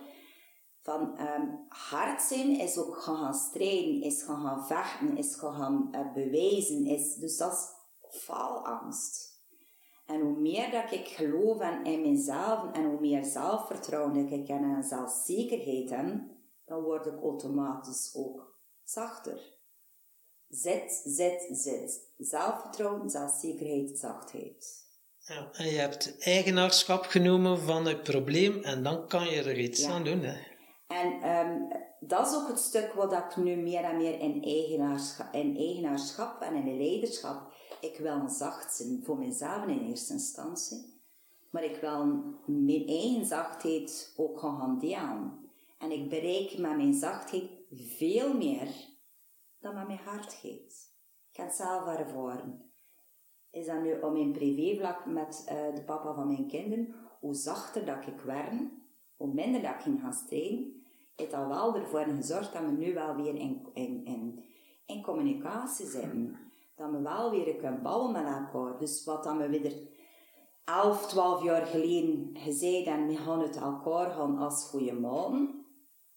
Door zijn partner toen destijds geweest en mijn partner is dat niet gelukt. Dat stond me eigenlijk te vechten. Maar dat is veranderingen gaan komen door ons, e- een stuk door mijn eigenaarschap. En ik heb misschien wel de leiding doorheen gepakt om, maar dat zorgt er ook voor dat ik met mijn kinderen een heel goede uh, band heb, een hele warme band. En um, ze zijn ook onder, onder, onder pad al een stuk gegaan. Uh, uiteindelijk al het, allee, dus, uh, de notsen wat minder, maar de dochter Heike en, en de Arvid, op een bepaald moment voelden ze er niet meer welkom in, um, bij de papa. En ze er uiteindelijk de keuze gemaakt van, ja, we gaan fulltime bij mama gaan wonen. Ja, wat ik toen niet over mijn hoofd gekregen heb, van, ja... Dan mochten hij die kinderen wijzen. Voilà. Um, maar bluffen in, in mijn kracht staan en in mijn vertrouwen staan van, ik, laat me dat, laat me dat waaien. Laat dat maar hunter waaien. Mm, er komt een tijd dat anders gaat zijn. Um, maar er zijn van de kinderen... En dan, ja, dan merk je achter vijf, zes jaar dat dat toch plotseling kan draaien en keren. En ja, nu zijn we weer, nu kunnen we weer, ja. Uh, in 2000, 2020 ik um, een verjaardagswens gekregen van mijn, uh, van mijn ex-man. Dat was tien jaar geleden. En ook nu nog altijd, uit er zoiets uit, dat is van, uh, pardon, uh, schatjes, uh, is dat van je papa? Goed. Ja. Dus dat is een, ja, weer een verandering. Wat, wat komt het tekort? Hè? Wat, ja, wat, wat, nee, nee, dat is... Dat, nee, dat, nee, nee, nee, ja, je kunt hier de meningen maken. Maar voor mij was die er van... Wauw. Hoe komt dat? Maar het is wel door verdiensten van uh, hoe zachter dat je zelf zit, komt er weer... Um, geen haar uit mijn hoofd voor terug met uh, de papa. Ik ben dankbaar dat ik hem leren kennen. En, en inderdaad, er is een tijd geweest dat ik hem doorgaan gezien. En ik heb er ook drie kinderen mee. Dus, um, dus ik ben dankbaar dat hij in mijn leven gekomen Want ik heb drie prachtige kinderen. Um, maar de eigenaarschap zat blijkbaar al lang bij mij. Maar ik kan een beetje hetzelfde overtuiging mee van... We moeten vele lijden met kort, ja. met lange ei. En toen pas op de hemel. Maar het is eigenlijk in een maken van... Um... Als je ja, je omgeving wilt veranderen, ja, wees zelf de verandering. Hè? En dan gaat je omgeving ook veranderen. Ja, we hebben nog twee vragen, want ik denk dat we records aan het breken zijn. Ik zijn, weet het niet hoe lang uh, dat we is, bezig zijn. Ja, toch al even. Ik denk 2,5 uur. Ik, heb ik weet niet wanneer we gestart zijn. Ik weet het ook niet. Dus nog twee vraagjes. Ja, de definitie van succes. De definitie van succes voor mij is. Um, um, mogen mezelf zijn. In, in, in alle facetten. Um, dat is voor mij. Uh, ik ben een succes op mezelf mag zijn, in zelfvertrouwen, in zelfkracht kunt staan, in eigenaarschap kunt staan, dan, dan en dat heeft niks te maken met bewijzen naar anderen, maar dat is een gevoel bij mij. Het mogen jezelf zijn van jezelf. Ja, mooi gezegd. En niet van een ander, ja, dat kan ja, ook nog. Ja, kan zomaar op een tegeltje staan. Goed, jongen. dat is mooi. Ja. Dat is mijn weet het nog? Weet het nog? Het mogen jezelf zijn, van jezelf. Ah ja, oké. Okay. Mogen jezelf zijn van jezelf, ja. ja Mooie definitie, mooi. nee, dat hebben we nog niet gehad. Uh. Ja. Nee. Maar geluk hebben we het net ook al gehad. Uh, dat... Uh, zijn dat? We hebben nog uh, de, vraag voor... de vraag voor de volgende gast, juist. Ja. Ik ben hem alweer kwijt. De vraag Mijn vraag. Voor de ja, je mag een, een, vraag verzinnen voor onze volgende podcastgast. Zomaar uit het niets. Zomaar yes. uit het niets. Het is een, het is een, een nobele onbekende. Vanuit een andere dimensie. Je mag zelf uh, kiezen. Dat is... Uh, Jen, wat dat, dat, dat je toch even tijd moet voor en zo van, oké... Okay, Soms duurt dat een minuutje of twee. Dan ja, geef me inderdaad ook maar een keer. Ja. En je weet niet of het een man of een vrouw is. Ik kan geen controle op houden, pardon. Misschien um, Onze vragen zijn genderneutraal. Oké, okay, maar dat is goed. Um,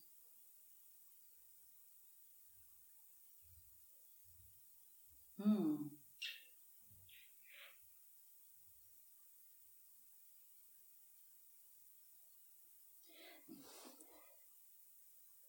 Dan ga ik een, een hele simpele vraag stellen.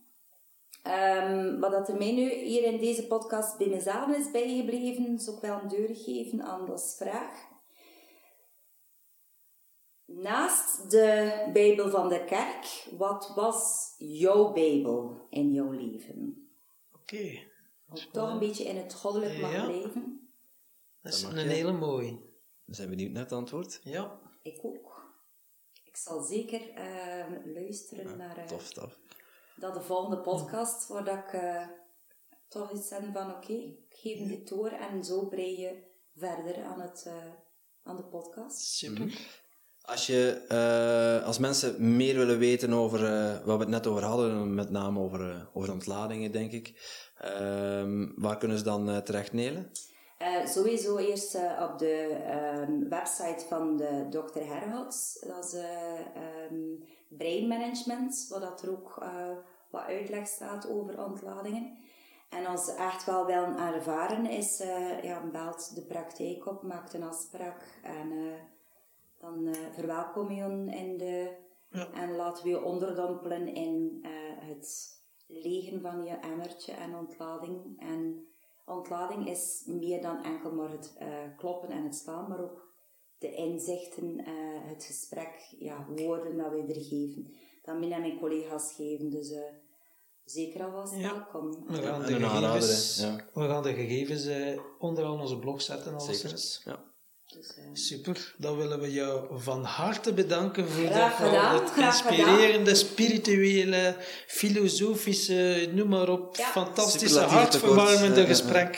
Van harte, ik zou zeggen, eh, merci voor mij hier te doen en eh, een fantastische, toffe, eh, leuke, ja, uitdagende en inspirerende gesprek dan. Eh alleszins, Stefan, merci en bedankt voor de eer, want ik voel mij dan altijd vereerd dat je er eh mij uit uitgenodigd hebt. Ik ben zeker. benieuwd wat dat zegt over jezelf, Nele, maar daar gaan we over napraten.